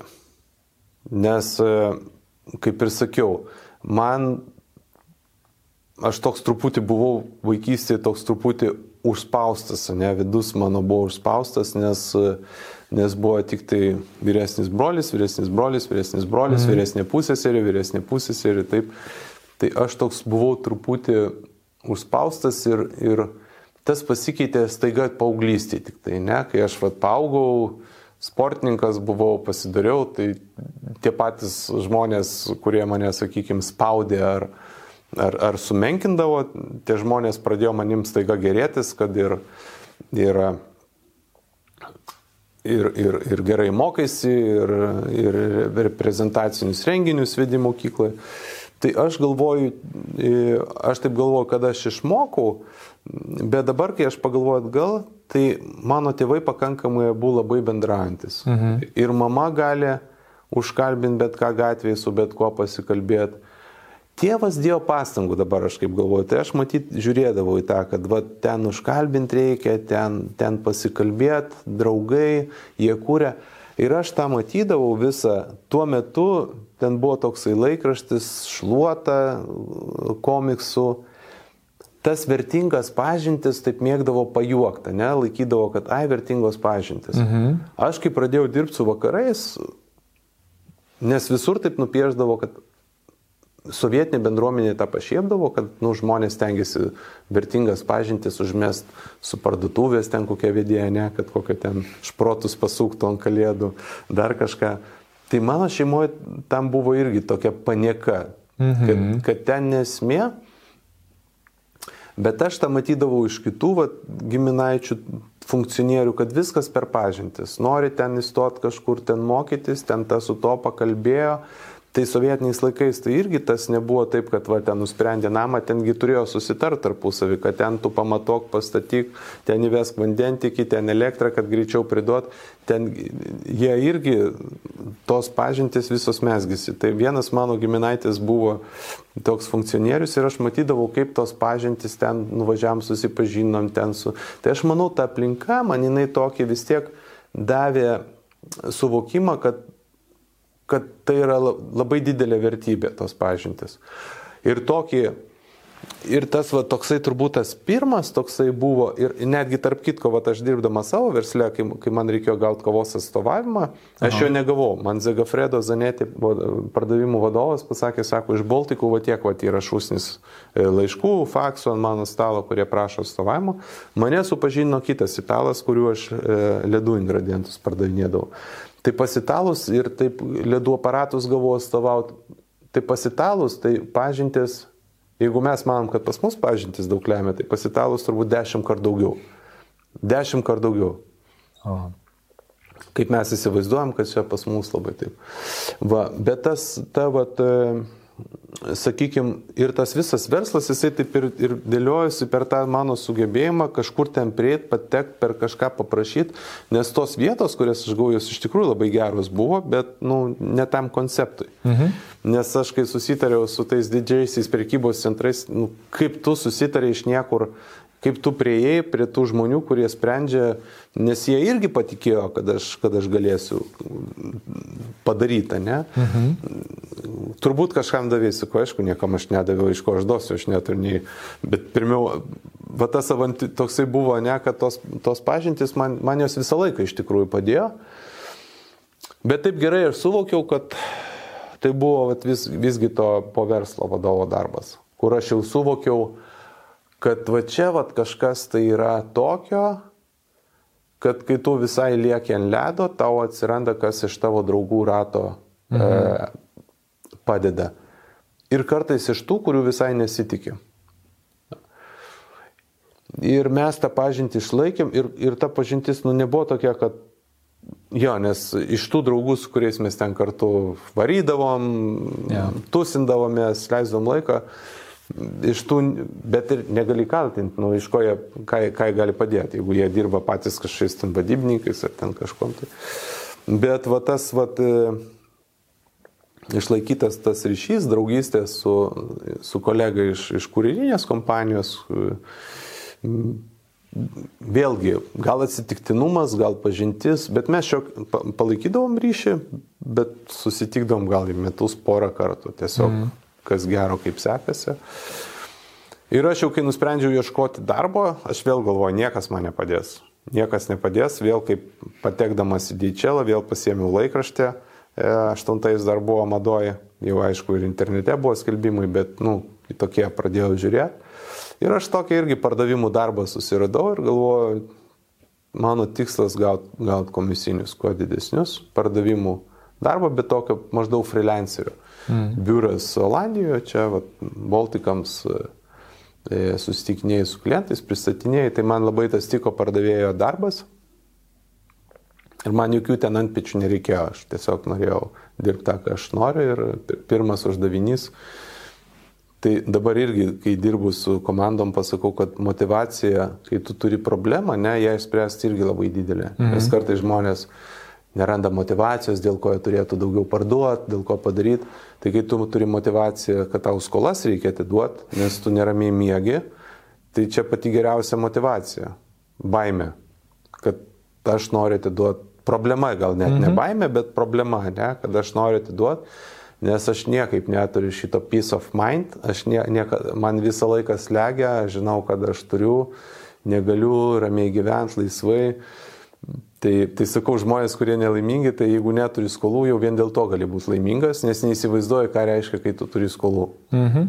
Tai, tai aš daugam, o tikrai sakau, jo, jeigu tu neturi skolų, tai žinok, tu žiūri, paskolų, skolų, sakau, tu be galo esi turtingas, nes tu neįsivaizduoji, ką reiškia gyventi su skola greičiausiai. Tai va, tai, tai, tai ir jau tau nereikia nuo, nu, nuo minuso pradėti, mm. tu gali nuo nulio pradėti, ne, jeigu tu neturi, jau tai didelis pliusas.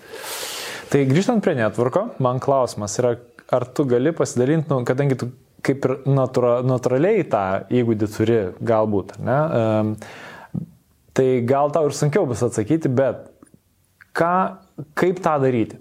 tiem žmonėm, mhm. kurie galbūt to nemoko ir, ir nevertina. Aš suprantu, kad to nauda irgi aš su laiku pastebėjau, kad tai yra labai svarbu ir dabar aš jau kaip ir pats, nors man tai labai natūralu, mokausi to daryti, mokausi bendrauti ir net ir su, ten, su baristom, dar kažko, kur tu kaviniai ir restorane tiesiog mandagiai, maloniai bendrauti, kad, kad būtų tas kažkoks žmogiškas ryšys, nes tu niekada ne, negali žinoti, kur. Visada. Taip, visada. Tai vad man įdomu, kokie yra tavo atradimai, kaip tą daryti, kaip palaikyti tą mhm. visą ryšį. E, aš išskirstę savo knygoje tris, ne, kai yra mhm. atsitiktinė pažintis, kai yra a, tikslinga ir kai yra neutrali. Mhm. Ne, tai, tai geriausia treniruoti arba iš kurios įsivysto, tai, tai tos atsitiktinės, kur mes kalbam su barista, su autobuso vairuotoju. Man net labai patinka, jeigu aš kalbą mokausi, būnu užsienį Prancūzijoje, Italijoje, arabiškose kraštuose su jais persimės porą žodžių. Tai, tai puikiai treniruotė, kai tau prireikia, prireikia. Ir man tos pažintis irgi atrodė. Ne, aš vad kaip susipažinau su Salmanu, bet aš kai pradėjau analizuoti, tai esmė buvo geroje aplinkoje aš buvau. Aha. Geroje aplinkoje buvau, tokioje aplinkoje, kur žmonės iš panašios profesijos, kur žmonės įmonių vadovai. Už tai irgi dabar, kai vedu, vedu mokymus ir seminarus, kokia jūsų aplinka, Nes, kaip sakė vienas politikas garsus Lietuvos, dabar jau nebe toks, sudėjęs du ubagus vieno turtingo nepadarysi. Skamba gal žiauriai, mm. Bet tai yra tiesa ir tarp kitko man Estas tą patį pasakė, kad mes ten vieną kartą sėdėjom vakare, e, ragavom vyną ir, ir kažkas užklausė, e, Rainai, kaip, kaip būti turtingų žmogum, tai pagalvojo taip estiškai, sako, tai sukis apie turtingų žmonės. Ir aš šitą pamoką, aš kaip dabar atsimenu, aš kaip buvau savo, tie paprasti tokie žodžiai ir dabar aš patariu, tu turi būti teisingo aplinkoje. Mm. Nes aišku, tu faina, užkalbini, užmėsgi draugystę, palaikai ir aš taip pat, ir Kiprė, ir, ir, ir, ir Bahreinė, Dubajai, daug kur pažįsta su tai žmonėm tai yra faina, tau prireikia, va dabar palikau piniginę, man jie atsiūs, paims neprisiprašytum, pamiršau išskrisdamas jo, užinų ten atspausdinti kažką, ten tok, tokių, ne? Bet jeigu kalba eina apie karjerą, apie, apie proveržį, mhm. tarp kitko, mes e, samdydavom žmonės irgi iš tokių vietų. Aha. į, į verslą, į, į tarptautinės kompanijas, arba iš benzino kolonėlių, arba iš kavinių. Geras. Žiūri, kur, kur, kur žmogus maloniai elgesi, aptarnauja. Ir aš esu irgi esu samdęs iš Maksimos krovėjų, kur žiūri, kur, nu, tau tinka, nes įsivy pradėjo nebeteit staiga. 17, 18 ir dabar, kaip suprantu, pagal skelbimus nelabai žmonės ateina, reikia jo sugaudyti. Mhm. Ypatingai šitų profesijų, vat, e, e, kur reikia įdėti fizinės kažkokios, ne, e, fizinio darbo. Tai e, aš irgi esu nusisamdęs į ten, ateinu, paklausinėjau specialiai kokį nors dar nesąmonę paklausiu, žiūriu ir susinervuosiu. jo. Va, tai e, ir jie kaip taisyklė turi labai gerą customer, customer service orientation kolonėlėse, tam tikrose ypatingai, ne, skandinaviškose buvusiuose arba, arba baristas kavinės, jie, jie supranta, kas yra customer service, tai tau mm. gal mane supyks e, kavinių savininkai ar, ar kolonėlių vadovai, bet, bet tie žmonės, jie, jie, jie moka, jie, jų jau nebereikia mokyti, e, kas yra kliento aptarnavimas, kas yra e, claim handling ar tokių dalykų, jie, jie paruošti. Ir labai greit gali patikrinti. Taip, ar labai greit gali paruošti. patikrinti. Ir jeigu tau reikia žmonių į, į, į tavo, sakykime, įmonės, kuri verslas verslui dirba, tai nu, mm. fantastiški resursai nusisamdyti gerų žmonės. Va, o, o, o jeigu kalbant apie tokią, kur, nu, kuri tave gali patemti aukštyn, ne? Aha. E, tai, tai pagrindinis dalykas ir yra būti tokioje aplinkoje, kuri tave gali patemti aukštyn, duoti tau iššūkį Nes, nu gerai, nu, vėl su visa mano pagarba gerai, pakalbėsiu su, su, su, su autobuso vairuotoju, su, su, su paštininku, gatvėje sustabdėjai. Tavo karjerai tai treniruotė prieš, kai tau jau reikės to pokalbio, kuris mm. gali tavo karjerą nulemti ir mano gyvenime įvyko. Ir aš kai galvoju apie pažinti su Salmanu, visų pirma, aš buvau konferencijoje, kur tokie žmonės renkasi, verslų savininkai, verslų yeah. vadovai, Tai kurie turi kažką pasiūlyti, kuriems tu gali pasiūlyti. Ir sakau, kai aš buvau savo vat, krizai verslė, aš žiūriu žinias vienas, ne? Ir žiūriu, žmogų paskyrė didelės įmonės vadovu. Mano amžiaus, mhm. panašaus, man buvo apie 37, 36 metai.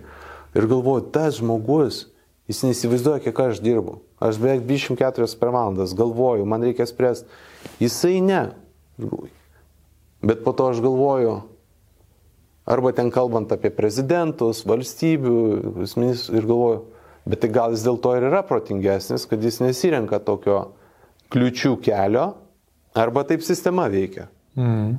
Dėl to, pažiūrėjau, aš kai balsuoju, renkuosi, bent noriu visada, kad žmogus būtų nu, bent kažkiek dirbęs kažkokioje privačioje kompanijoje ar, ar darbe ar versle, nes jeigu tik tai dirbęs tik tai valstybinėse man, nu, man truputį trūksta jam, mane trūksta patirties, trūksta suvokimo, kas tai yra darbas, kas tai yra verslas. Nu, gal ne visi ten gali būti praėję tokius išbandymus ir ne visiems reikia iš mhm. tikrųjų. Mm. Bet man norisi, kad, kad nebūtų tai tik tai žmogus nuo pirmos savo dienos gavęs kažkokią tai valstybinį darbą ir poziciją ir iki prisitarnavęs vėl iki niekur nebuvęs versle, visą laiką ramiai šiltai sėdėjęs, nors dabar aišku klausimas, kiek ten rimtai šiltai sėdi. Man aišku aiškiau versle negu, negu valstybinė institucija, dėl to aš ten ir mėgstu dirbti. Va, tai, tai kokioje tu būsi aplinkoje, o pats tas, o tikslinis, tai jau kai tu jau tikrai žinai, kokioje to aplinkoje reikia būti. Su Salmanu aš susipažinau netruliai. Aš neplanavau tikrai nei kad ten kažkur važiuoti, nei kad taip. Ir va tai labai geras prieimas. Kai tu nieko iš to žmogaus nenori, neplanuoji, tiesiog tavo interesas pasikalbėti. Tai aš taip, kai manęs klausia ir sakau, pirmas dalykas, norint parduoti, reikia planuoti neparduoti. Ar save, Aha. ar, ar savo paslaugas, tu tiesiog nori pokalbio. Mes norim pokalbio, pasikalbėti, užmėgs pažinti, nes kitaip mes išgazdinam žmogų. Taip mes išgazdinam žmogų, iš karto, ai, jis iš manęs kažko nori, vadinasi, čia kažkas tai ne taip. Ir tada tas pokalbis, ir labai dažnai matau, ne, kad ten tik prisistato, ateina, ten ir artimuosiuose rytuose, ir čia kažkoks žmogus su pareigomi, visi iš karto su savo reikalais bum. Ir matau, nu mentaliai jisai reikiuoja Tu dar vienas iš tų visų. Labai sunku nuslėpti yra tai, jeigu tu ateini su... Tu dar vienas iš Taip. tų, kurie kažko tai iš manęs nori. Ne kuris man kažko tai kūrė, mhm. bet kuris nori. Tai jeigu tu jam negali nieko sukurti, bent tu jam gali momentinį išlaisvinti jį nuo to, kad tu iš jo kažko tai nori. Aišku, kad mes norim. Mhm. Bet to nereikia parodyti, to, to, to nereikia, tiesiog atini pasikalbėti, pasikalbė, gavai kortelę, pažiūrėjai, palaukiai, mm, gal kažkas yra, gal galima susitikti, pasikalbėti taip, bet jeigu tu iš karto su visais savo problemom rūpėšiais aš noriu to, nieko gero. Nieko nebus, Nes visi norim, kad, kad, kad mūsų išklausytų. Tai bent tu jam gali duoti, kad tu gali jo paklausti kažkokio tai klausimo, to žmogaus, su kuriuo tu susitikai, į kurį jam bus įdomu atsakyti. Okay. Pavyzdžiui, ką reiškia tau dirbti tokioje pozicijoje? Ką tau reiškia vadovauti ministerijai? Kas tai per darbas, ne, neįsivaizduoju. Tai va tokie klausimai žmogui atidaro, ne, nes jau tu pasakai, kaip gerai, tu čia ministras toks nors, bet pat paklaus, ką, kas už to slypia, ne, už tų gražių šypsinų. Pasakys, jo, nepradėk. Bet jau tau gali nuo šito užsimėgsti pokalbis. Va. Yra tikslingai, kaip, kaip sakykime, aš įmonės pardavimą pradėjau e, estiškos, kurios aš dirbau. Irgi būdamas konferencijoje, kaip ir neutralioje aplinkoje, man pasakė, kad čia yra įmonės prezidentas Europoje, tai aš jau tikslingai ištaikiau atsisės prie jo, lyg tai netyčia atsistojau už nugaros, bet aš jau taikiau prie jo papult, kad pasakyt, kas mes tokie, kad mes Aha. anksčiau ar vėliau norėsim parduoti įmonę, tai aš tikslingai jau, būdamas iš neutralios, perėjau į tikslingą pažintį. Tai aš taip skirstau. Gal yra kitokių metodikų, aš pagal savo patirtį suskirstęs e, atsitiktinę vairuotojai, mhm. baristos, kurios gali per, per, peraukti kažką, tai ne? Arba neutrali. Arba treniruotė. Tiesiog, taip, arba ja. puikiai treniruotė mhm. ir tiesiog gyvenimo malonumas. Mhm. Ir tam žmogui ir savo. Tiesiog abiem faina kas irgi labai daug turi žavesių. Tada neutrali, kur niekada nežinai, koks ten gali žmogus prieiti ir kaip man su Salmanu nutiko. Mhm. Ir tikslinga, kur tu jau tikslingai susipažįsti, gal net ir dar tikslingiau, kur, kur jau kažką tai pičinį klausi, kad okay. kur tu nori, kur ieškai. Bet net ir tai reikia pirmiausia praeiti, kas jam įdomu, vietoj to, kad šokant, kas tau pačiam įdomu. Gerai. Dar viena tema, kurią aš noriu uh, šiek tiek su tavim pagapstyti, tai tikslai. Tu daug labai apie tai kalbi ir knygų, ir vienoje, ir kitoje apie tai rašai. Ir ar tu turi kažkokią tai metodiką, kaip tu planuoji tikslus ir ar tai yra, sakykime, diena, kai tu rašiesi, nu mes jau šiek tiek į produktivumo temą, ne, mhm. einam, bet vat, ar tu planuojasi tikslus penkiem metam, metam, mėnesiui, mhm. savaitėjai, dienai, Kaip tu tvarkaisi su šitais klausimais? Labai įdomi tema. Ir irgi aš, kai apie ją pagalvoju, aš taip mastau, kad jinai iš mano vaikystės ateina. Mm. Aš taip mastau. Okay. Nes e, tėvas amžinatelis išvažiuodavo, sakykime, į kaimą ir man ten reikėdavo iš paskos su traukiniu.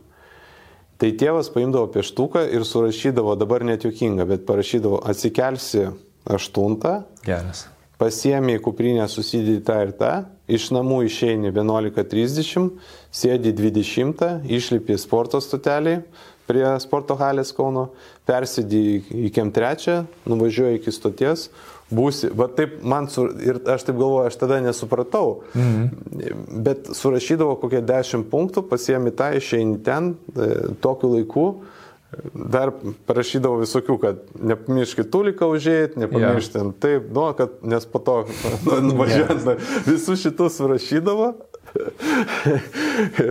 ir aš galvoju, turbūt va, tas rašymas, ir aš labai mėgstu po šią dieną iš tikrųjų. Po šią dieną aš mėgstu ir jeigu parodyčiau užrašų knygutę, aš labai mėgstu, aš vis tiek pieštuku ir, ir blanknotu aš planuoju. Mhm. Labai mėgstu. Kodėl pieštuku ir blanknotu?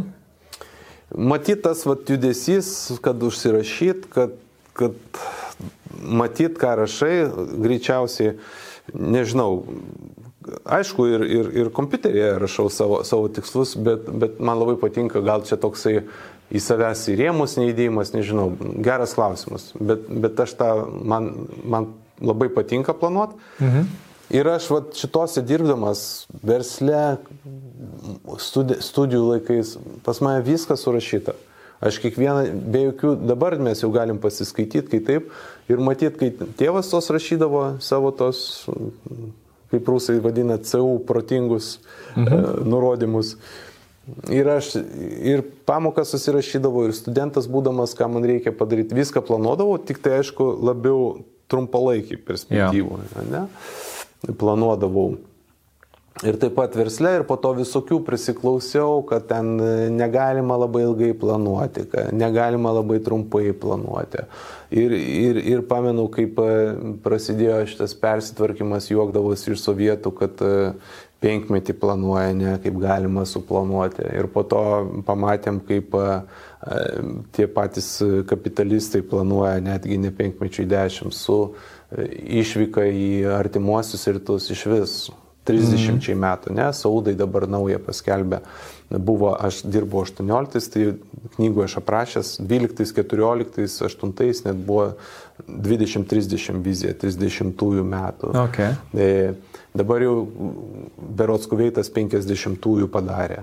Saudo Arabijos e, princas, e, Crown princas Mohamedas bin Salmanas išleido Aramko gairės, kur didžiausia kompanija Gas and Oil pasaulyje.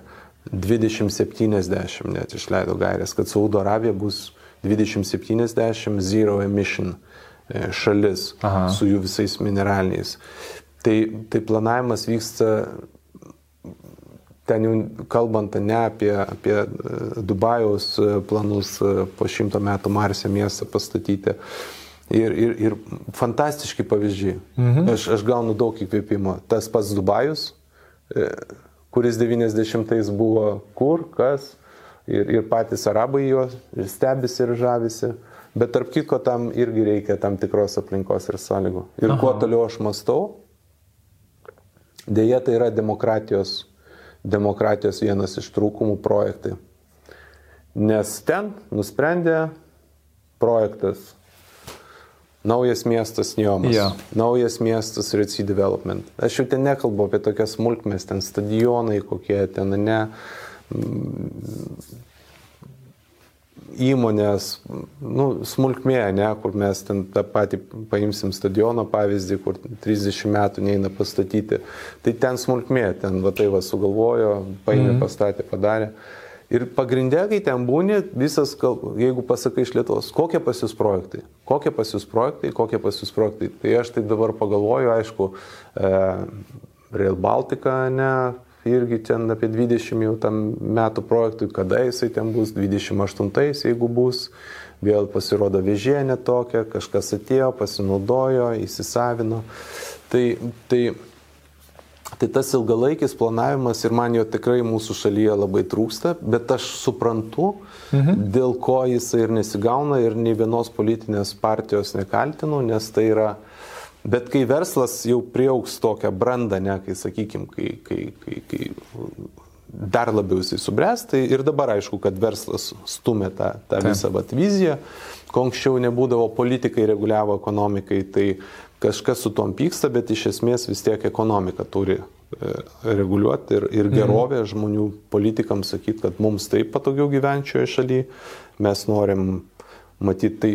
Tai iš miestų vėlgi galbūt ten trūksta kažkokios demokratijos ar ką, bet iš miesto aš matau, vat, pavyzdžiui, mano gimtasis Kaunas, ne, kūrė kažkokios sporto miesto, ne, vizija, stadionas tas pas, krepšinis, ten lengvosios atletikos manėžas, čiužykla, tai kažką aš ten matau, suprantu, ne, vat, e, kai šalis, pavyzdžiui, išardo savo avilinės, aš nesuprantu ir esu ir Vilniaus mero klausęs, nepereinant į politiką, tai kaip jie tie užsieniečiai čia atskris, ne? Ir pandemija, tarp kitko, parodė, kad šaliai reikia. Mm. Nes, kaip mes prisimenam, buvo gėda, kai nebuvo savo piliečių, kaip parsigabent, yeah. reikėjo skolintis, vykti. Tai čia visos partijos dėl kažkurių turi sutart, apeiti ir jeigu kiti gali, tai transportas, logistika kokia bus, ne, kiek, kiek mes matom logistika bus, nes Tai tas vat, planavimas, ne, vat, pavyzdžiui, aš paimu savo viziją, žinau, iš turizmo jie planuoja BVP ten 5 procentus, kad tą pritraukti, jie turi daryti renginius, kad daryti renginius, jiems reikia arenų, jie jas stato, kad daryti renginius, jiems reikia formulės trasų, mhm. jie jas investuoja, kad e, būtų logistika, jiems reikia nuo savo avialinių, kad kovotų su Emirates ir, Qatar, jie kūrė savo linijas, aš matau, kaip vizija išsitėsia į darbus, ne? Aha. Tai va, tai Tai verslas mano galva Lietuvoje tą puikiai daro, e, žiūrėdami, e, žiūrėdami į... Bet man įdomiausia, žinai, yra individualus lygmo, nes tu labai apie į makro, žinai, nusikėlė. Individualus, jo. gerai. Jeigu kalbant apie mano, aš visą laiką planuoju, tik tai dabar, po, po pajutęs va tokią, sakykime, brandą, nes Aha. sulaukiu, sulaukiu, sakykime, daug projektų, pasiūlymų, tai aš dabar žiūriu Aš negaliu nuspėti, kaip ir bus, ne, koks ten tas mano labai tikslas, bet aš žiūriu tiesiog į ilgalaikę bendravimo perspektyvą. Ar mes, sakykime, su žmonėm, kurie siūlo dirbti kartu, e, kurti kažkokį projektą, atstovauti jų produktus, ne? ar čia bus vienkartinis kažkoks one-offas, nuvažiuoja padarai, tai aš labiau žiūriu tą, nes dabar aš jau pajaučiau, kad tiek daug laiko dėja Akivaizdu, kad sulaukus 50, nors aš galvoju, kad dar 50 gyvensiu, bet ne mano tas matyt valiui, bet akivaizdu, kad jau persiryti į antrą gyvenimo pusę patinka ar nepatinka, negaliu su tom patikėti, bet aš labiau vis ir antroji knygoje rašau, vertinu laiką, laiką, laiką, laiką, nes tai vienintelis resursas, kuris negrįžta. Mhm. Nes mano gyvenimo pačio patirtis istorija parodė, kad pinigai grįžta, sveikata grįžta po visokių traumų, nu, aišku, išskyrus tam tikrus atvejus, e, labai daug medicina gali padaryti, kas absoliučiai niekada negrįžta laikas. Tai dėl to aš jį dar labiau vertinu ir žiūriu labiau į taip, kad jeigu aš pradėsiu šitą projektą, ne, pavyzdžiui, va, šitą podcastą, ar aš jį tęsiu, ar aš pabandysiu. Ir tai nereiškia, jeigu man nepais, kad aš jo netęsiu, bet galbūt aš jį vis tiek tęsiu, bet tik tai galbūt tik tai kitoj formoje. Tai kaip mhm. lygiai taip pat aš galvoju apie verslą, aš jį vis tiek tęsiu, tik jau kitokioj formoje. Gavau pamoką, kad aš nebenoriu daugiau investuoti į, į daiktus, už kuriuos, kuriuos aš nevaldau ir, ir, ir kurių, kuriems aš neturiu įtakos. Tai aš rinkdamasis partnerį, bendradarbiavimui, firmą, kompaniją, projektą, pasiūlymą, aš noriu matyti tai mes bent penkis metus galėsim dirbti, man apsimoka okay. investuoti laiką, ar aš tik tai, ai, pabandysiu čia, vat, nu, pabandom, pažiūrėsim, o gal nesigaus, tai va aš šitą labiau vertinu. Ne? O darbė, tai tu nori, nenori, tai jeigu tu dirbi tarptautiniai kompanijai, tai tu e, metus pradedi savo planuoti ateinančius rūpjūtį, mhm. e, 21 pradedi 22 planuoti e, ir dar mažiausiai kokių nu bent mažiausiai, aš sakyčiau, tris metus tikrai gali išprognozuoti. Nes pasida, jeigu tu verslė dirbi, tu žinai, kiek tau naujo produktą į rinką užtrunka. Ne? Iš patirties, žinai, pavyzdžiui, aš visi, kas mane kreipiasi dėl arabiškų kraštų, aš sakau, aš nei vieno daikto ten nepardaviau greičiau kaip per metus. Nei vieno. Nei vieno projekto, nei vieno kliento nesuradau. Jeigu nusiteikęs e, metus laiko investuoti, dėti, bendrauti, tai tada galim užsimti šito projektu. Jeigu galvoji, kad greitai nuvažiuosi, viską čia uždengsi, kaubojiškai, tada nesu manim. Gal bus, kas gali greičiau, man nepasisekė. Galbūt aš norėčiau pasakyti, taip aš nuvažiavau, viską pasirodė, man, man nepasisekė, visur reikia iš naujo. Tai aš tikrai dėlioju, aš ir savo biudžetą e, kuriu. Mhm. E, šiuo metu, aišku, mano konsultacinis verslas, aš e, dirbu vienas arba komandai, kaip, kaip prireikia. Bet žinoma, aš dėlioju, dėlioju savo finansus, Aha. kiek e, dėlioju savo portfelį, ne, kiek ateis iš mano konsultacijų veiklos, kiek iš mano nekilnojamo turto investicijų. Norėčiau daugiau išmokti apie kriptovaliutas, e, ko aš dabar nedarau, bet, bet norėčiau, nes suvokiu, kad, kad ten galima užsidirbti mhm. iš tos ryties. Taip.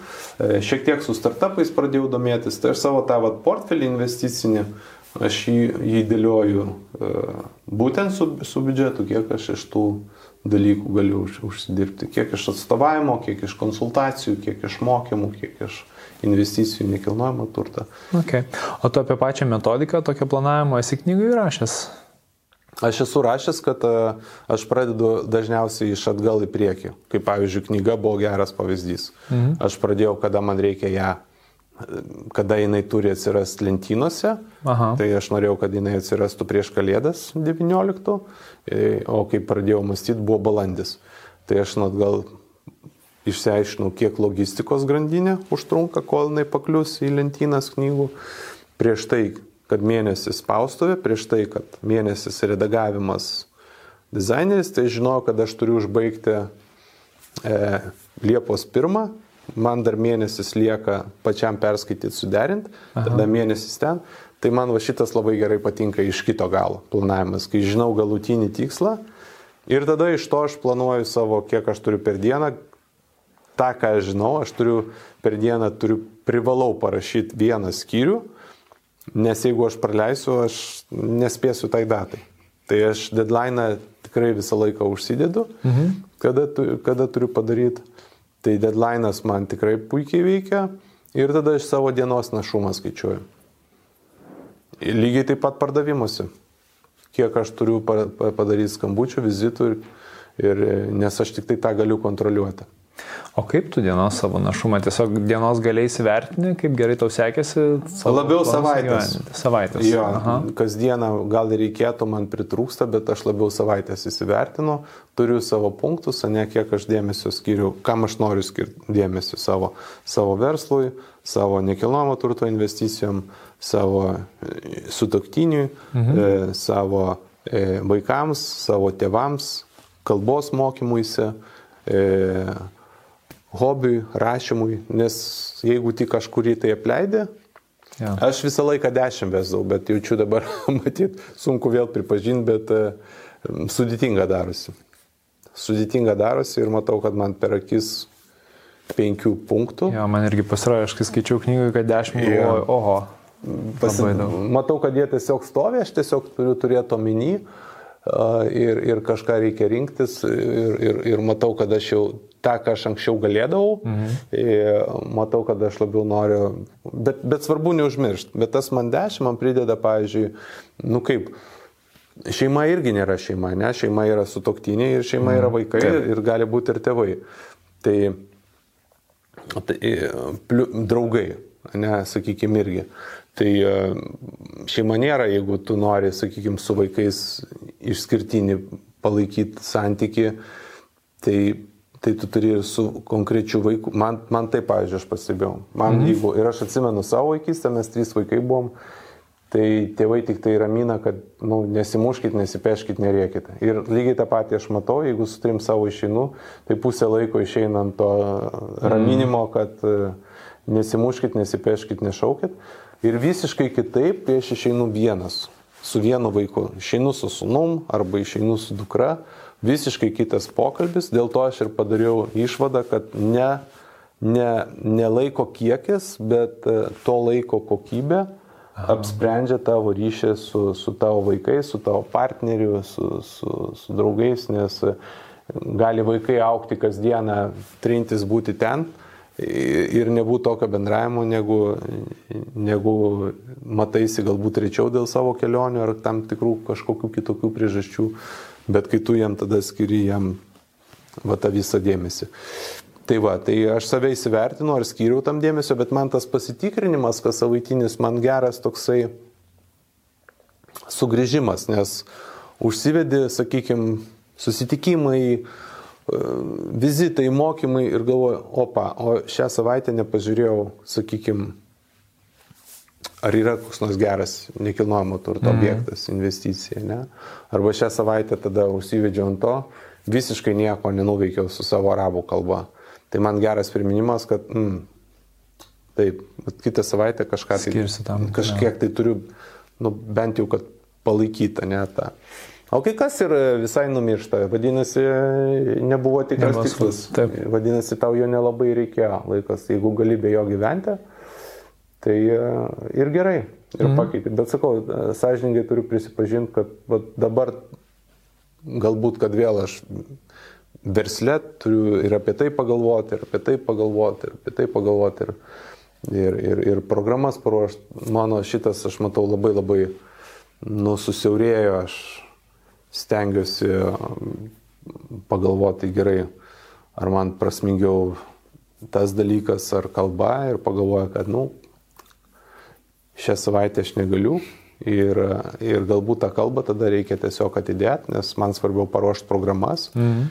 negu kad aš skirsiu laiko, kas visiškai netitinka, ne, kas, bet tą bent jau pripažini, kad vadinasi, nu, dabar Taip. nemetas ir kiti prioritetai. Ir nereikia dėl to jaustis blogai, vadinasi, aš kalbos mokymą atidedu arba nu, bent jau tada, bent jau tada iki tol, kol šiek tiek bus vėl ateis kiti prioritetai. Okay. Ir mokymuisi, būtinai mokymuisi. Būtinai mokymuisi, nes e, aš, kaip sakyt, ne iš technologijų pasaulio ties, tai mokymuisi, nes, nu, be technologijų ir tarp kitko, aš irgi knygoje savo aš padaręs išvadą, kad trys dalykai, kas laiko žmogų jauną. Tai fizinės formos palaikymas. Mhm.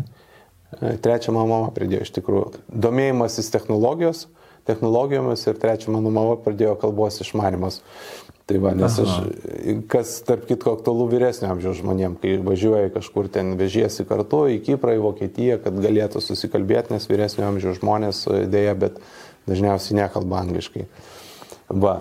Tai, tai aš ką matau, kad jeigu tu tik pradedi, kad ai, čia technologijos, čia ne man, aš nesiorientuoju, ką aš lengvai galėčiau pasakyti, nes aš sakau tikrai ne iš technologijų. Tai, bet jeigu savo tik tai leidi tokį ekskuzą, tai, nu, iš karto ir pats savo, ir kitiem atrodai, nu jau nu, atitrūkęs nuo gyvenimo, pasenęs, jeigu nesiorientuoji. Tai aš žinau, kadangi ten aš turiu skylę dėl įvairių priežasčių, labiausiai dėl to, kad jų nebuvo, kai aš mokiausi, tai aš jaučiu poreikį, kad nuo jų vis tiek aš turiu bent orientuotis, kas, kas vyksta. Tai mhm. kas vyksta, kokie startupai, kokios technologijos atsiranda, kad, kad galėčiau tam pačiam lygiai bent jau galbūt nu, sudėtinga ves, sakykime, codingo ar programavimo srity, bet, yeah. bet kad aš turėčiau supratimą ir galėčiau, nes visur, visur technologijos, visose, visose versluose technologijos, technologijos, technologijos. Ir aišku, fizinės formos palaikymas. Tai man mokymams mhm.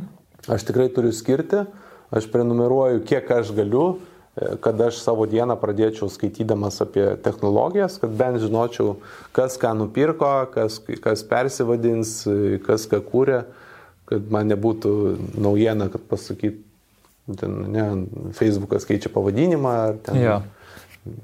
Bent tokie minimalus. Pabaigai aš turiu tau keletą klausimų, tokių, per kuriuos galim šiek tiek greičiau prabėgti. Aš juos e, labai panašius klausimus visiems savo laidos svečiams užduodu, mm -hmm. nes man tiesiog įdomu pamatyti skirtingas perspektyvas. Ir jau iš tikrųjų per pirmas keturias laidas įstikinau, kad labai labai skirtingų jų gali būti. Tai man bus įdomu vat, iš tavęs irgi išgirsti. Pradėkim nuo to, kaip atrodo tavo rytas. Mm. Ar tu turi kažkokią vat, ryto rutiną, ar tai yra tiesiog ryte atsikeli, įsijungi telefoną, pasižiūri kokią, žinai, atsidarai Gmailą, pažiūri mhm. kokie laiškai ir tai padiktuoja visą likusią tavo dieną. Kartais nutinka, bet tai labai vengiu tokių dienų, net, bet prisipažinsiu, kartais, kartais nutinka, mhm. labai labai retai. Šiaip tai paprastai mano diena prasideda vandens stiklinė, sikeliu vandens stiklinę, padarau 10 saulės pasveikinimų, tada bent jau penkias minutės skiriu meditavimui mhm. ir einu gerti kavą. E, buvau vienu metu pradėjęs vietoj meditacijos uh, uh, kvepavimo pratimus daryti, pernai tarp kitko Kiprė. Facebooko bičiulis vienas dar nebuvo taip išplitęs kaip dabar, ne? Tai E, dabar čia labai staigiai įsiplėtė, ten buvo, man atrodo, lygiai prieš metus, lapkritis, e, nes aš pats klausiau, kas tas Vim, paprastai stebiu, tai paaiškino apie Vim Hofą. Ir, ir buvau pratimus, bet kažkaip tai net laikiau, vėl grįžau prie, prie meditacijos iš mhm. tikrųjų. Mhm. E, tai tai va, ten skirdavau, ten man su, su, su, su tom keliom serijom gaudavosi apie, turbūt su užlaikymais visais apie 15 kokią minučių. Va, tai e, buvo mano meditacija pakeitę kvepavimo pratimai, nors aišku geriausiai turbūt būtų ir tos ir tos daryti. Va, ir sėdu gerti kavos ir tada gerdamas kavą tiesiog dėlioju, planuoju savo dieną, ką man reikia padaryti. Ir nors ir labai nesinori, bet sėdu pirmiausia prie, prie iš tikrųjų to, kur man reikia, jeigu rašau knygą, tai rašyti nuo tų tokių sudėting, kartais sudėtingiausių taip, uždavinių, ar ne iš taip, pradžių? Neskubių, bet svarbių. Mhm. Ir kad kartais ir kaip nesinori, prieš tai dar perskaitau, dabar tokį metodą atradau, ką aš vakar parašiau, Aha. peržiūriu, tai dar gaunasi pridedi papildomo laiko. Bet visai kitaip kitą dieną atrodo. Kai, kai tu parašai, kas tau liesi ant širdies gulė ir kai tu visą tą išspjauni surašai, Tai dabar dar metodą atradau, kad prieš rašydamas naują, kas aišku šiek tiek gal numuša ir vėl tau reikia iš naujo išsivesti, aš dar prieš tai perskaitau, ką aš vakar parašiau. Ir tada sėdu būtinai gerti kavos ir tada dirbu arba rašau programas, mhm. stengiuosi. Aišku, jeigu aš misijoje, kaip dabar buvo artimuosiuose rytuose, lietuviškai maisto pramonės įmonėje reikėjo teikėjų, tada šitie darbai nueina, aš tiesiog pradedu skambinti Nuo pat ryto pradedu skambinti, rašyti elektroninius laiškus, žiūrėti, kas man atrašė, nes turiu per mėnesį laiko užmėgs kontaktų kuo daugiau, kad iš tų kontaktų užmėgstų galėčiau prospektus perduoti užsakovui. Mhm. Tai tada mano tokių misijų, sakykime, metu, ne grafikas pasikeičia, arba žinau, kad jau šią savaitę turėsiu mokymus, tai tada vėl mano grafikas pagal tą savaitę, nes vis tiek, kaip bebūtų, kalbam apie, apie potencialių klientų paiešką, darybas, pardavimus, bet vis tiek kiekvienai reikia pakeisti, vertinus, yeah. kokia įmonės specifika, arba jeigu žmonės įprastai būna atviri iš įvairių verslų ateina, tai aš kiekvieną kartą persidėliu, kiekvieną kartą žiūriu, dėlioju, ką išimti, nes jeigu laikas ribotas, tai labiausiai gaila išmest kažką štai iš programos, nes jeigu turi žmonės tik vieną dieną, o pasakyti turi trim dienom, tai tada skaudžiausia būna, nu reikia tą išmest, nieko nepadarysi, nieko nebus. Ok. Produktivumas. Tu jau minėjai, kad e, dabar va, tu labai labai vertini savo laiką ir stengiasi būti produktyvus. Kokie būtų tokie trys, sakyčiau, esminiai patarimai žmonėms, kurie nori būti produktyvesni savo gyvenime? Mhm. Tai duosiu savo didžiausią pokytį man padariusi patarimą, ne, ir pasidalinsiu. Tai pats pagrindinis dalykas - nieko nebus, reikia pakeisti gyvenimo būdą. Mhm. Jeigu nori proveržio versle, vadinasi, vietoj Facebooko turi skaityti LinkedIn, vietoj Delfi verslo žinias arba specifinę literatūrą ir vietoj elektroninių laiškų, sakykime, užsisakytų straipsnius. Ir nieko nebus kitaip, kol aš to nesaugiu. Man tarp kitko bičiulis iš, e, aš kaip pasakiau, aš noriu daugiau technologijom, reikia keisti gyvenimo būdą. Ir čia yra esminis ir toksai labai atrodo rimtas, nes žmonės pabando, gal truputį tą darysiu, bet kai tu savo pasiryšti, kad aš keičiu gyvenimo būdą, ne, aš sakykime, naujienų portalų tik tai artėdamas kažkaip prie Lietuvos, tada pradedu žinias kažkokias pažiūriu, ne, vieną kartą stengiuosi iš vis neskaityti, Bet aišku, jeigu, jeigu, jeigu skaitai LinkedIn ar Facebooką, kažką tai užmatai, ne? E, nesinori būti ir visiškai politiškam. Bet aš e, nebeskaitau, iš tikrųjų. Mhm. Aš, aš stengiuosi likti tik tai prie profesinės e, literatūros. Tai vienas dalykas, tai jau nešvaisto mano laiko. Tai jau nešvaisto mano laiko, ta, tai jau aš tą laiką koncentruoju į tai, ir čia aš stengiuosi būti labai strategišku, tarp kitko, ar kas pastebi ar ne, bet aš pakeičiau ir savo, savo social media požiūrį, anksčiau rašydavau va, tas, ten tas, ten fainai, man ten patiko taip, tokių stengiuosi sumažinti iki minimumo, parašyti, kas aktualu žmonėm, mano skaitytojam, sekėjam, fanam, tai, ką aš darau, pasidalinti savo išvalgom apie pardavimus, pasidalinti savo išvalgom apie pokytį, apie ekonomiką, vengti tokių, kad apie ką, politikų aptarinėjimų, nu kartais taip norisi, bet stengiasi, nu, matai, kas kokią nesąmonę padarė. Nes paskui turi komentaruose atsakinėti ir įsivaizduoti diskusijas. Apie, apie, apie COVID, apie apie politikus, apie kas ten koks politikas pasakė, nes ir iš tos pusės, ir iš tos padaro. Mhm. Kartais sakau, ten būna, bet už tai save po to nu, nuskalpuoju, kad e, kam to reikėjo, bet maksimaliai stengiuosi to dalyko okay. vengti, kad tas laikas išeitų, nu, man kaip ir kūrenčiam programas, kūrenčiam knygas, man svarbiausia yra tą dalyką ir daryti. Ir aš visą laiką turiu ką daryti, kai pagalvoju. Ne, jeigu taip, aš galbūt galiu išplėsti, jeigu dabar pagrindinis dėmesys eina potencialių klientų paaiškai, aš galbūt galiu išplėsti, sakykime, programą apie, apie dėrybas, išplėsti programą apie, apie kaip perversti iš underperformerio į e, outperformerį.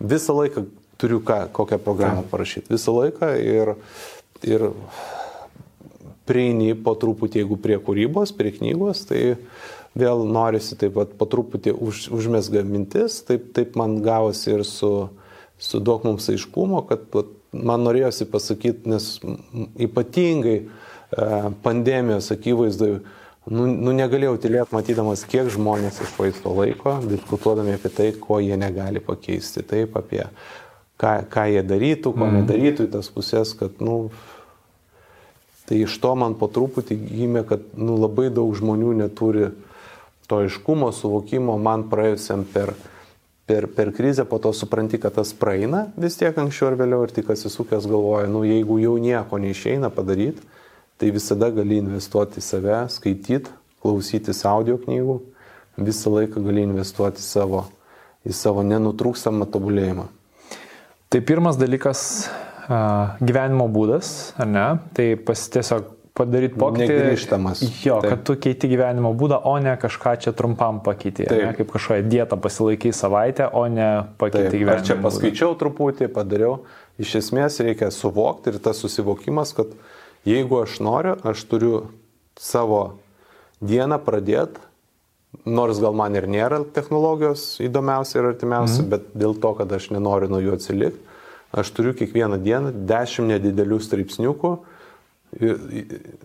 Nusikroviau programėlę, kuri man atrenka pagal raknius žodžius 10 mm. straipsniukų apie technologijas. Koks būtų antras ir trečias? Produktivumas. Banalu, bet vizija ir tikslai. Kaip, kaip banaliai beskambėtų. Ir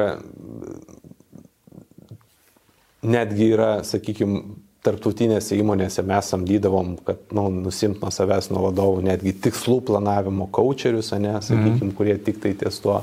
E, bet kaip taisyklė, nežinau, ir aš su savo mama pasikalbu, ką suplanuoji, tas gaunasi. Tai kaip, kaip taisyklė tai tik tai gerai, kad tas, yra, kad tas būtų toj, toj, toj vizijai. Na, tai, tai kaip be būtų banalu, tikslai ir kai pradedi dėliot, ai to nereikia, kam su kompu, kam į telefoną, aš pradedu nuo, nuo, nuo, nuo pieštuko ir nuo, mm. nuo blanknoto. O kaip su vizija? Kaip, taip pat trumpai, kaip, kaip tu tą darai? Ar tai yra kažką, tu kartą metuose galbūt tą viziją kuriesi, ar tu ją nuolat palaikai?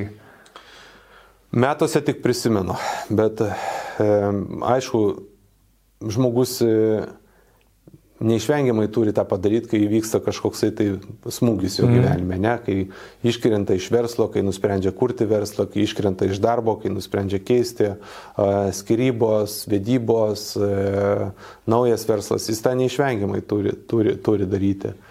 Taip, Tai kaip be būtų irgi jokinga, naujų metų visi pasiryžimai, man tai tikrai fantastinis laikas. Aš tokia turiu ir anksčiau irgi visiems būdavo labai jokinga, aš atsisėdu, suskaičiuoju, ką nuveikiu, pasakau, ką planuoju nuveikti tais mhm. kitiems metams.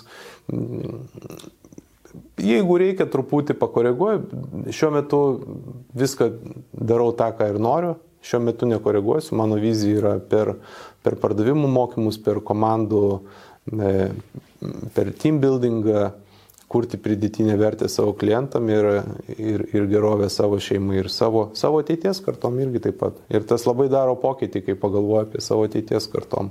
Okay. Tai, tai vizija ir tikslai Man kartais pačiam susimaišo, kas tas vizija, kas ta misija darbo metu. Aš tiesiog vizija ir misija vienas dalykas, ką tu darai, ką tu, ką tu matai, kad tu nori mhm. daryti. Tai šiandien aš tikrai patenkintas ir jaučiuosi vat, dabar tam pašaukime, kuriam, apie kurį tu pačioj pradžioj klausi. Tai, Ir mano kitas klausimas iš tikrųjų yra irgi apie tai, tai aš pratęsiu iš karto, kaip tu jauti, kaip jausti, kad tu esi savo kelyje. Nu, mat, ar tu turi kažkokį tai kažką, kas tau duoda suprasti, kad tu esi teisingam keliui? Tai geriausia, kai tu turi kažkokį arba žinias labai stiprias toj srity, arba kažkokią didelę aistrą. Mhm. Ir kai tą gali monetizuoti. Aš vienareikšmiškai apie tai kalbu, man pačiam kažkada buvo apie tai nefaina kalbėti. Bet aš savo pavyzdžių dabar įrodžiau, nežinau, gal kiti daugiau padarė, kad aš darau tą, ką aš noriu, mhm. tą, ką aš seniai norėjau, bet galvoju, ai, gal nelaikas, ką aš pasakysiu, visokie ekskuzai, geras darbas, taip. Tai, tai aš jaučiu, kad tikrai galiu rašyti ir programas, negaliu sakyti, kad nenuilstamai, ne, bet mane veža. Mane veža, kai aš matau, kad žmonės mato, kad padarytas ir realus skaičiais. Ne taip, Aha. kad prisirinkau kažkur, kad iš savo patirties, dėl to aš ir praktikuoju pats, dėl to aš ne tik tai pasakoju, ką aš perskaičiau ir sužinojau ir išgirdau, bet tą, ką aš iš kasdieninių susitikimų, kas, kas daro pokytį. Tai Ir kai tą hobį, sakau, gali monetizuoti, nes jeigu tu jo nemonetizuoji, tai reiškia, tu tik populiarus, bet, nu, kaip tu tęsi tą savo žinutę. Mm. Tai ir labai dažnai sugir, išgirstu žmonių, kad tai man, nu, ne faina kažkaip paprašyti, bet sakau, tai tada tu negalėsi dalintis, nes tu išsisemsi. Tau paprasčiausiai nebebus ką valgyti, gerti, kur gyventi. Ir tu savo tos misijos, tos žinutės negalėsi skleisti, jeigu tu jos nebūsi monetizavęs. Tai vėlgi, remianti savo patirtimą, aš tik patariu atsargiai, kad nepulkis čia galva, gal paraleliai, šone, kad ten, jeigu nežinai, kaip tas tavo tikrai planas vystysis, gal pabandyti po truputį. Jeigu kas žino, turi aišku planą, žino, matė pavyzdį, kad tikrai padarė ir gaunasi, tada gali. Mhm. Tai aš su šitais dalykais man įdomu, aš net negaliu taip, žinai, pasakyti, kad ten aš atsikeliu, nepavargstu, niekad negalvoju, bet man niekada nenuobodu. Man niekada nenuobodu bendrauti su klientais, kalbėti, įsiaiškinti, ko jiem reikia. Ir taip pat savo, kur aš vystau savo nekilnojamo turto projektus, lygiai taip pat man patinka, kad būtų išskirtinai kokybiškai, geroj vietoj. Aš tada jaučiuosi gerai, kai matau, kad kad, kad tas daro poveikį klientui ir, ir atnešia rezultatus. Okay. Šiek tiek apie savigdą noriu tavęs paklausti. Tu kažkada esi minėjęs, kad ir Tony Robinsonas apsilankęs tam Dallas. Um, Kiek tu dabar laiko skiri saviugdai? Nes pat irgi minėjai apie gyvenimo būdą, kad jeigu jau kažkur nusprendai daryti pokytį, tai turi būti tavo gyvenimo būdu. Ar saviugda yra tavo, sakykim, gyvenimo būdas? Dabar parodyčiau striukės kišenį, neteidamas čia pasiėmiau knygą, nes galvoju, po to man iki kito susitikimo dar bus laiko, tai kol bus laiko aš paskaitysiu knygą. Kiek laiko per dieną maždaug skiri saviugdai? Ar per savaitę, gal nežinau, gal didesnį laiką? Jo, stengiuosi mėnesį bent vieną knygą perskaityti, kiti, kad, sako, į savaitę. E, aš ir klausau, bet skaitau man, man žymėtis, mm. ne, patogiau, kai automobilį, kai važiuoju, tai klausau, aišku, o kai skaitau ir, ir rašau programas, tai man iš ten kažkokios tai vis dar kyla kažkokių minčių atsiranda, papildyti programą, ne, kažkom, ką naujai sužinojau. Ir, ir vis kažkokių tai naujų atsiranda nustebinančių. Aišku, Tony Robbins, tai čia klasika, aš apie jį sužinojau irgi, tarp kitko, per saviugdą, aš mm. apie jį sužinojau kokiais gal 13-14. Apie coachingą, kai mokysi, ar ne? Tu... Jo, Londone, kai mokiausi, mane, man mergina pasakė, sakau, nelabai, buvau Brian Tracy girdėjęs. Uh, Ir tada užsikabinau, prasisinčiau kompaktus e, ir, ir 16 už savo pinigus investavau, nuvažiavau į, į Dalasą ir tikrai fantastinis renginys. Ir, ir, ir ta visa atmosfera, ir jį pamatyti gyvai. Ir, mm. ir va, dabar aišku, daug kas jį sužinojo. Ir, ir, ir audio knyga yra, ir, ir, ir knyga, ir aišku, naujų atsirado. Bet tuo metu tai buvo, nors jis nebuvo pats pirmas, pats pirmas estas toksai buvo, aš kaip dabar suprantu, greičiausiai jis nuo Tony Robbins, Pipevainas toksai buvo mums, mums kaip tik tas pašlovingas Deičelas buvo sakęs druskininkose, tai man tada irgi buvo nu, fantastika jo, mm. jo mokymai. Kaip suprantu, jis Amerikoje irgi pasako gyveno, tai matytis jis iš ten tą, tą ir kadangi vienas pirmųjų iš Baltijos šalių padarė. Va, tai Ar... Labai daug podkastų, tikrai Aha. labai klausausi podkastų, ypač savo, iš savo, sakykime, profesinės pusės, iš pardavimų, e, diskusijų, klubų. E, Ta pati Tony Robbins interviu pasiklausau iš jo podkastų. E, turiu dar keletą žmonių, kuriu, kur, kur, kuriuos seku. E, Tai jeigu vaikštau, bėgioju, skrendu, tai arba skaitau visada mm. knygą, bet sakau, turiu pripažinti iš profesinės pusės. Daugiausiai iš, iš pardavimų arba iš, iš pokyčio, iš, iš taip, kaip žmogus gali, gali padaryti. Daugiausiai tokių.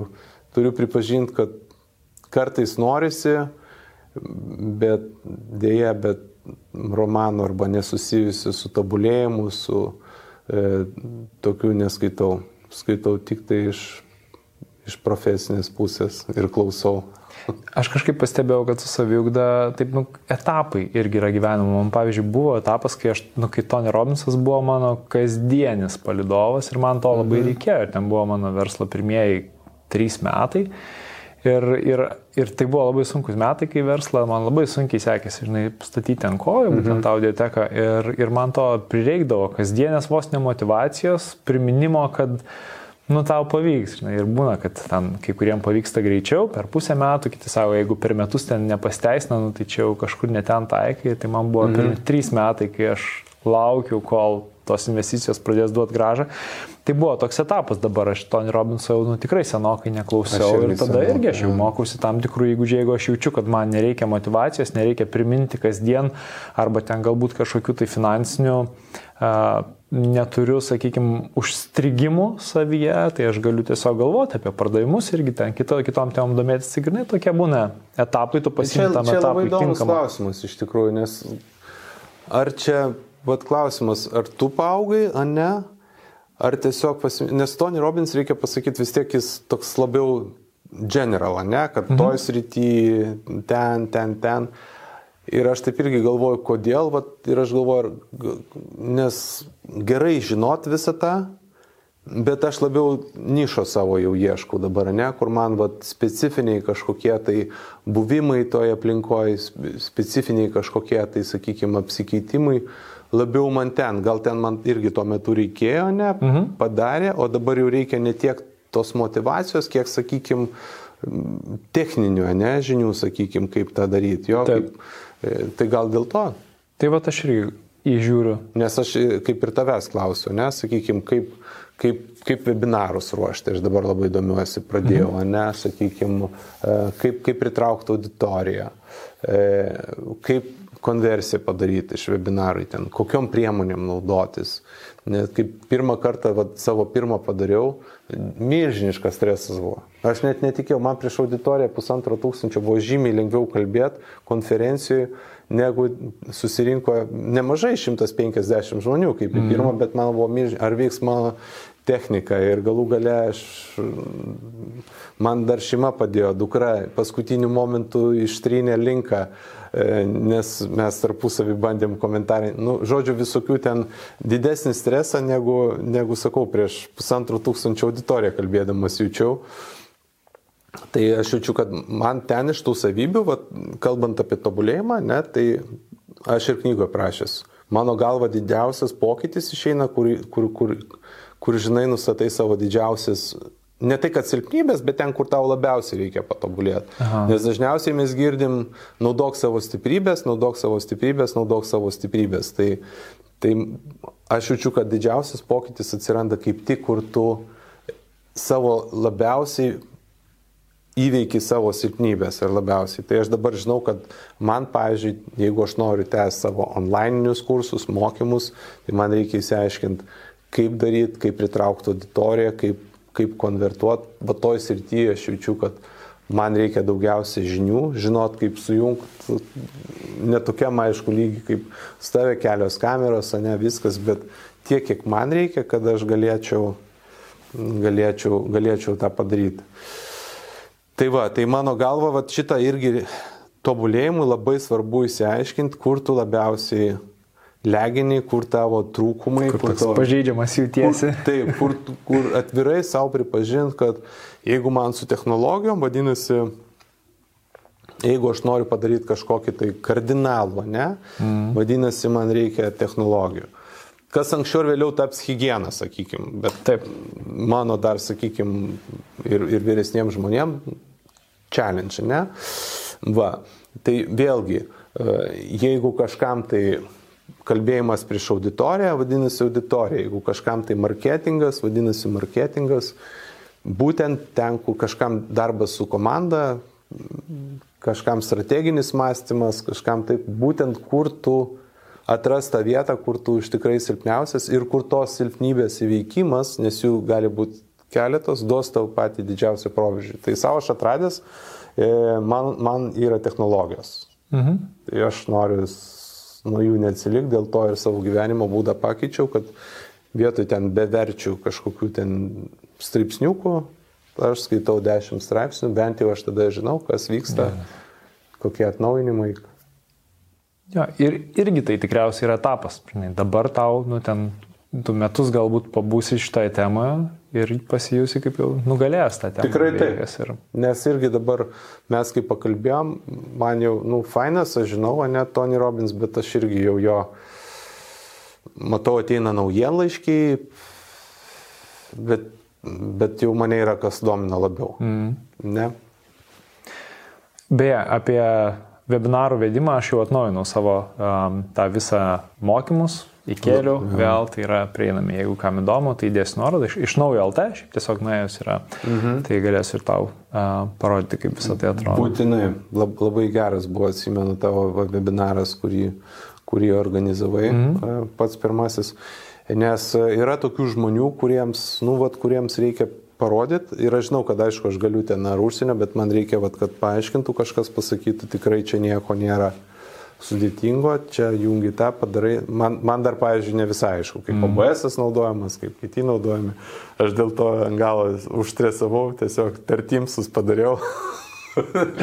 jo, dėl, dėl to aš, aš tuose mokymuose irgi papasakoju, kaip visą tą pasidaryti tokioj, nu kaip čia, uždaroje aplinkoje, nes tu realiai gali viską susijungti, pasileisti tą streamą ir niekam, nu, nieks nematys jo. Tu ten mhm. nusiųsi nuorodą, sakykime, savo dukrai ar ten dar ir viskas. Ir tas tu kaip ir turėsi gyvo pasirodymą, bet kontroliuojamoje aplinkoje ir galėsi ten eksperimentuoti, bandytis. Tai aš pat apie tą irgi papasakoju, kad nebūtų taip, kad pirmas tavo išėjimas ir iš karto į eterį ir tada supranti, kad ten jau šimtas žmonių, jie laukia, o tu nežinai dabar ką spausti reikia. Jo, la, labai gerai, labai reikia, nes tikrai reikia. tai yra tikrai ateitis. Jeigu nori apskėlinti ypač, Ir aš vad ko dar savo laukiu ir pagalvoju, žinai, va dėl ko mes e, Lietuvoje taip esam, pavyzdžiui, tais pačiais lyginant testais arba mhm. Izraeliu, jie, pavyzdžiui, dėl savo šalies mažumo, jie negalvoja apie local rinką, jie, atvirkš, jie pirmiausia pradeda mm. nuo anglų ir čia irgi pokytis, kurį mums reikės padaryti.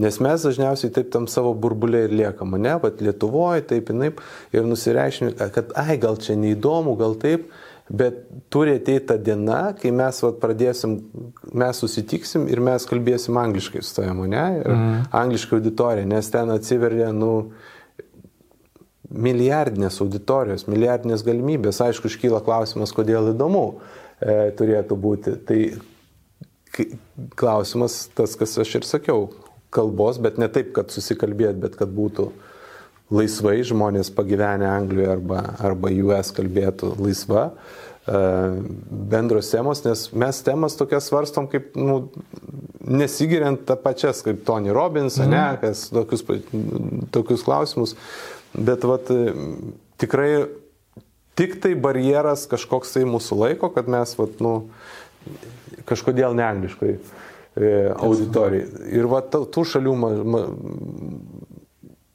sakykime, ta pati Estija, nes jie suvokia, kad, nu, kam aš tą milijoną, ką aš ten parduosiu, ne, aš manau, kad va ten labai tas dėl, to, dėl tų vienaragių pirmųjų ir dėl ko mhm. pas juos anksčiau atsirado, aišku, iš to ateina į edukaciją, bet suvokimas, kad, nu, e, elektroninės e, pilietybė, lygiai tas pats Izraelija, kad, va, mums nereikia to ir verslas tą sėkmingai daro, Ne.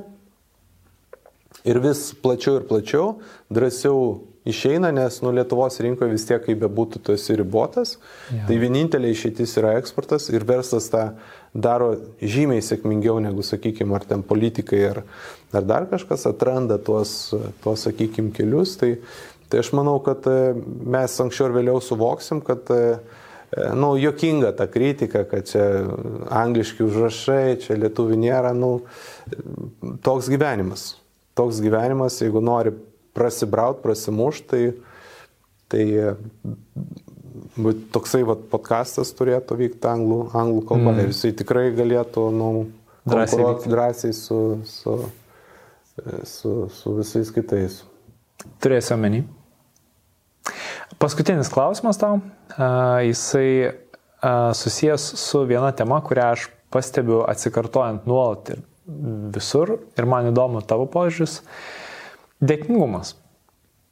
tiek Tony Robbinsas tas pats, žinai, apie tai yra nekarta kalbėjęs, kad kai tu esi dėkingas, tu negali jausti streso tiek dabar, nu, Brenė Brown, kur jinai labai jau, taip, mhm. sakykime, kaip mokslininkė prieina prie tos temos ir pradeda visai mhm. nuo kito galo, kalba apie gėdą, apie kaltę, kurią mes jaučiam mhm. ir galiausiai vis tiek suveda į tai, kad esminis dalykas, ką gyvenime turi išmokti, tai tiesiog arba ir net, net ne jaustą nuolatinį dėkingumą, bet turėti kažkokią tai dėkingumo praktiką, kurią tu darai kaip, nu, vos ne kaip privaloma praktika. Įdomu, ar tu turi kažkokią praktiką ir kaip tai atėjo į tavo gyvenimą? E, etapais.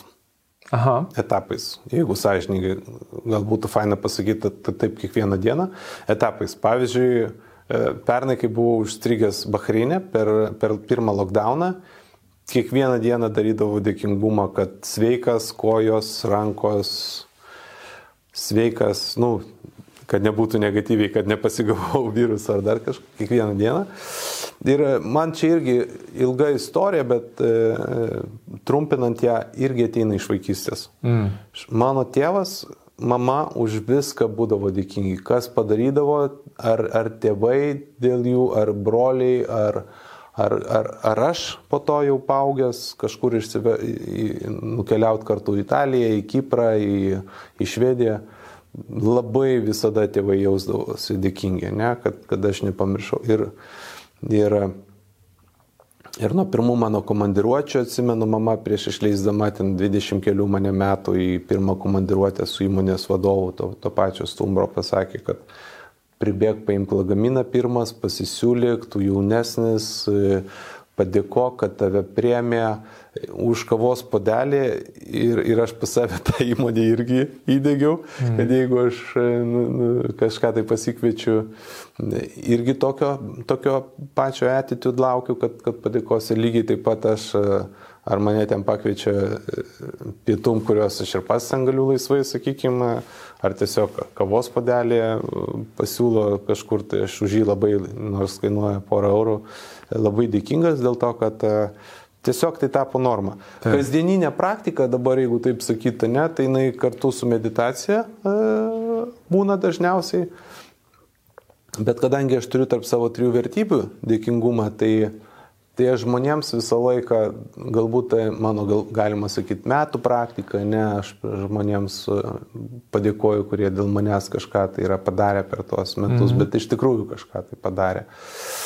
Tai, e, tai kad jis visą laiką šalia manęs. E, galbūt ta...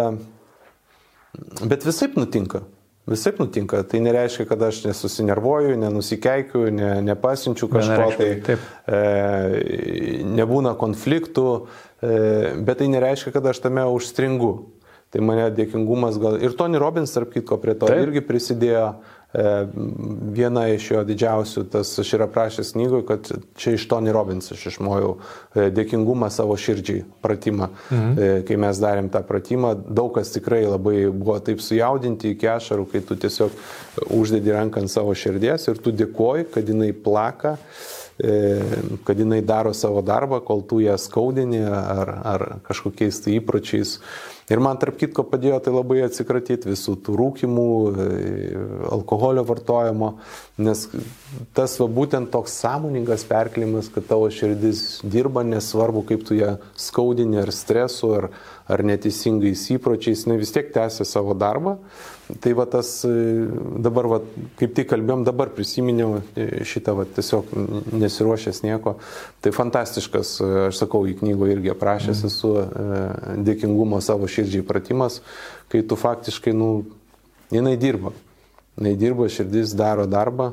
Ir aš savo tėvui parodžiau, dar kai buvo gyvas, ir, ir mamai tėvas irgi labai susigaudino, nes širdininkas buvo iš tikrųjų Tai fantastinis, aš, aš neseniai rašiau kažkokį straipsnį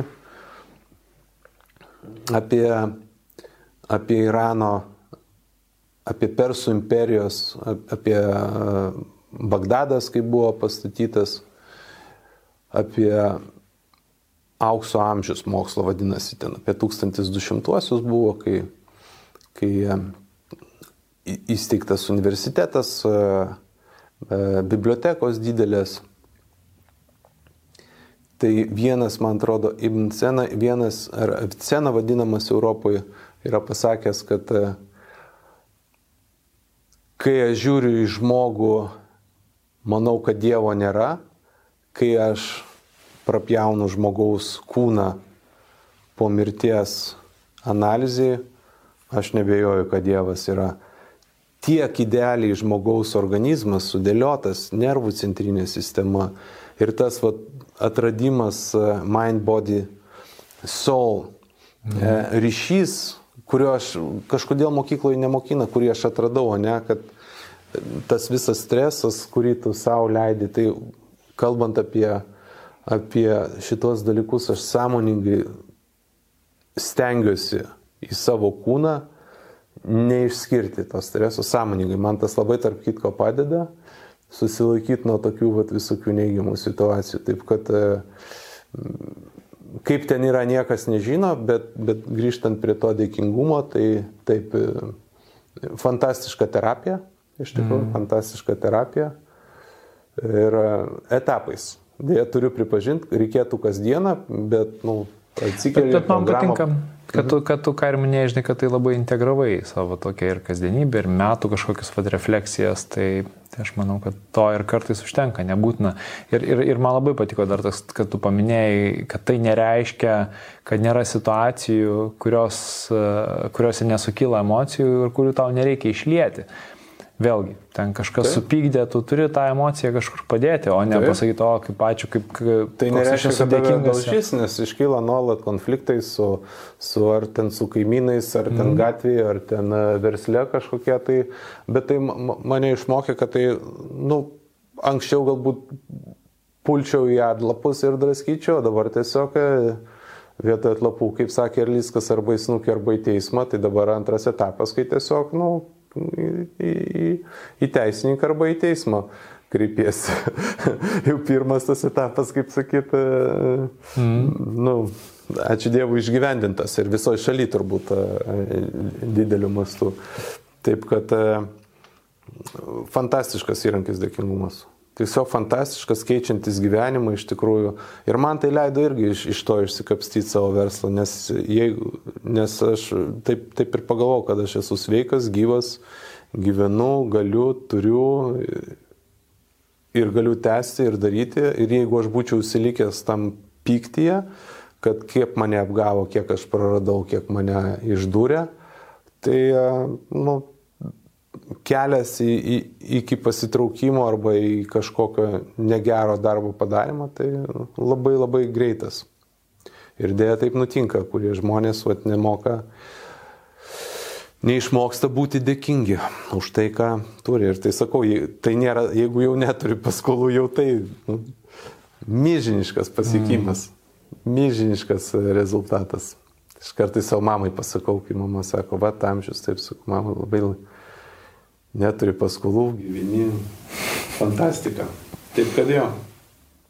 Tai ačiū labai tau už tavo pasidalinimus visus, tikrai labai labai vertinga laida, manau, bus visiems žiūrovam. Man labai vertingas šitas mūsų pokalbis buvo. Ačiū tau irgi už e, gerus klausimus, už tą, už tą darbą, kur darai, už e, a, knygų leidybą. Irgi man a, neįsivaizdavau iš tikrųjų, kad audio knyga a, bus taip populiari, aš kažkaip visada buvau nusiteikęs, kad jos spausdinta taip, bet nu, daugybė atsirado klausytojų, sekėjų, kur ir, ir, ir, ir gaunu vis toliau. Ir man milžiniškas atradimas iš tikrųjų. Čia tik tai 20 metais aš išleidau mm. pirmą savo 500 dienų. Ką tik visiškai. O, o vis, visiškai ką tik. O daug mums aiškumo tai turbūt tik tai šį metą, ne? Išėjo ir kiek, nu, vos tikrai ne kiekvieną dieną sulaukiu, tai tikrai fantastinis darbas ir nebejoju, kad tu prie jo irgi ne per dieną prieėjai. Tikrai ne, aštuoni metai. Gerai, ačiū Taip. tau labai. Iki, ačiū labai. Iki.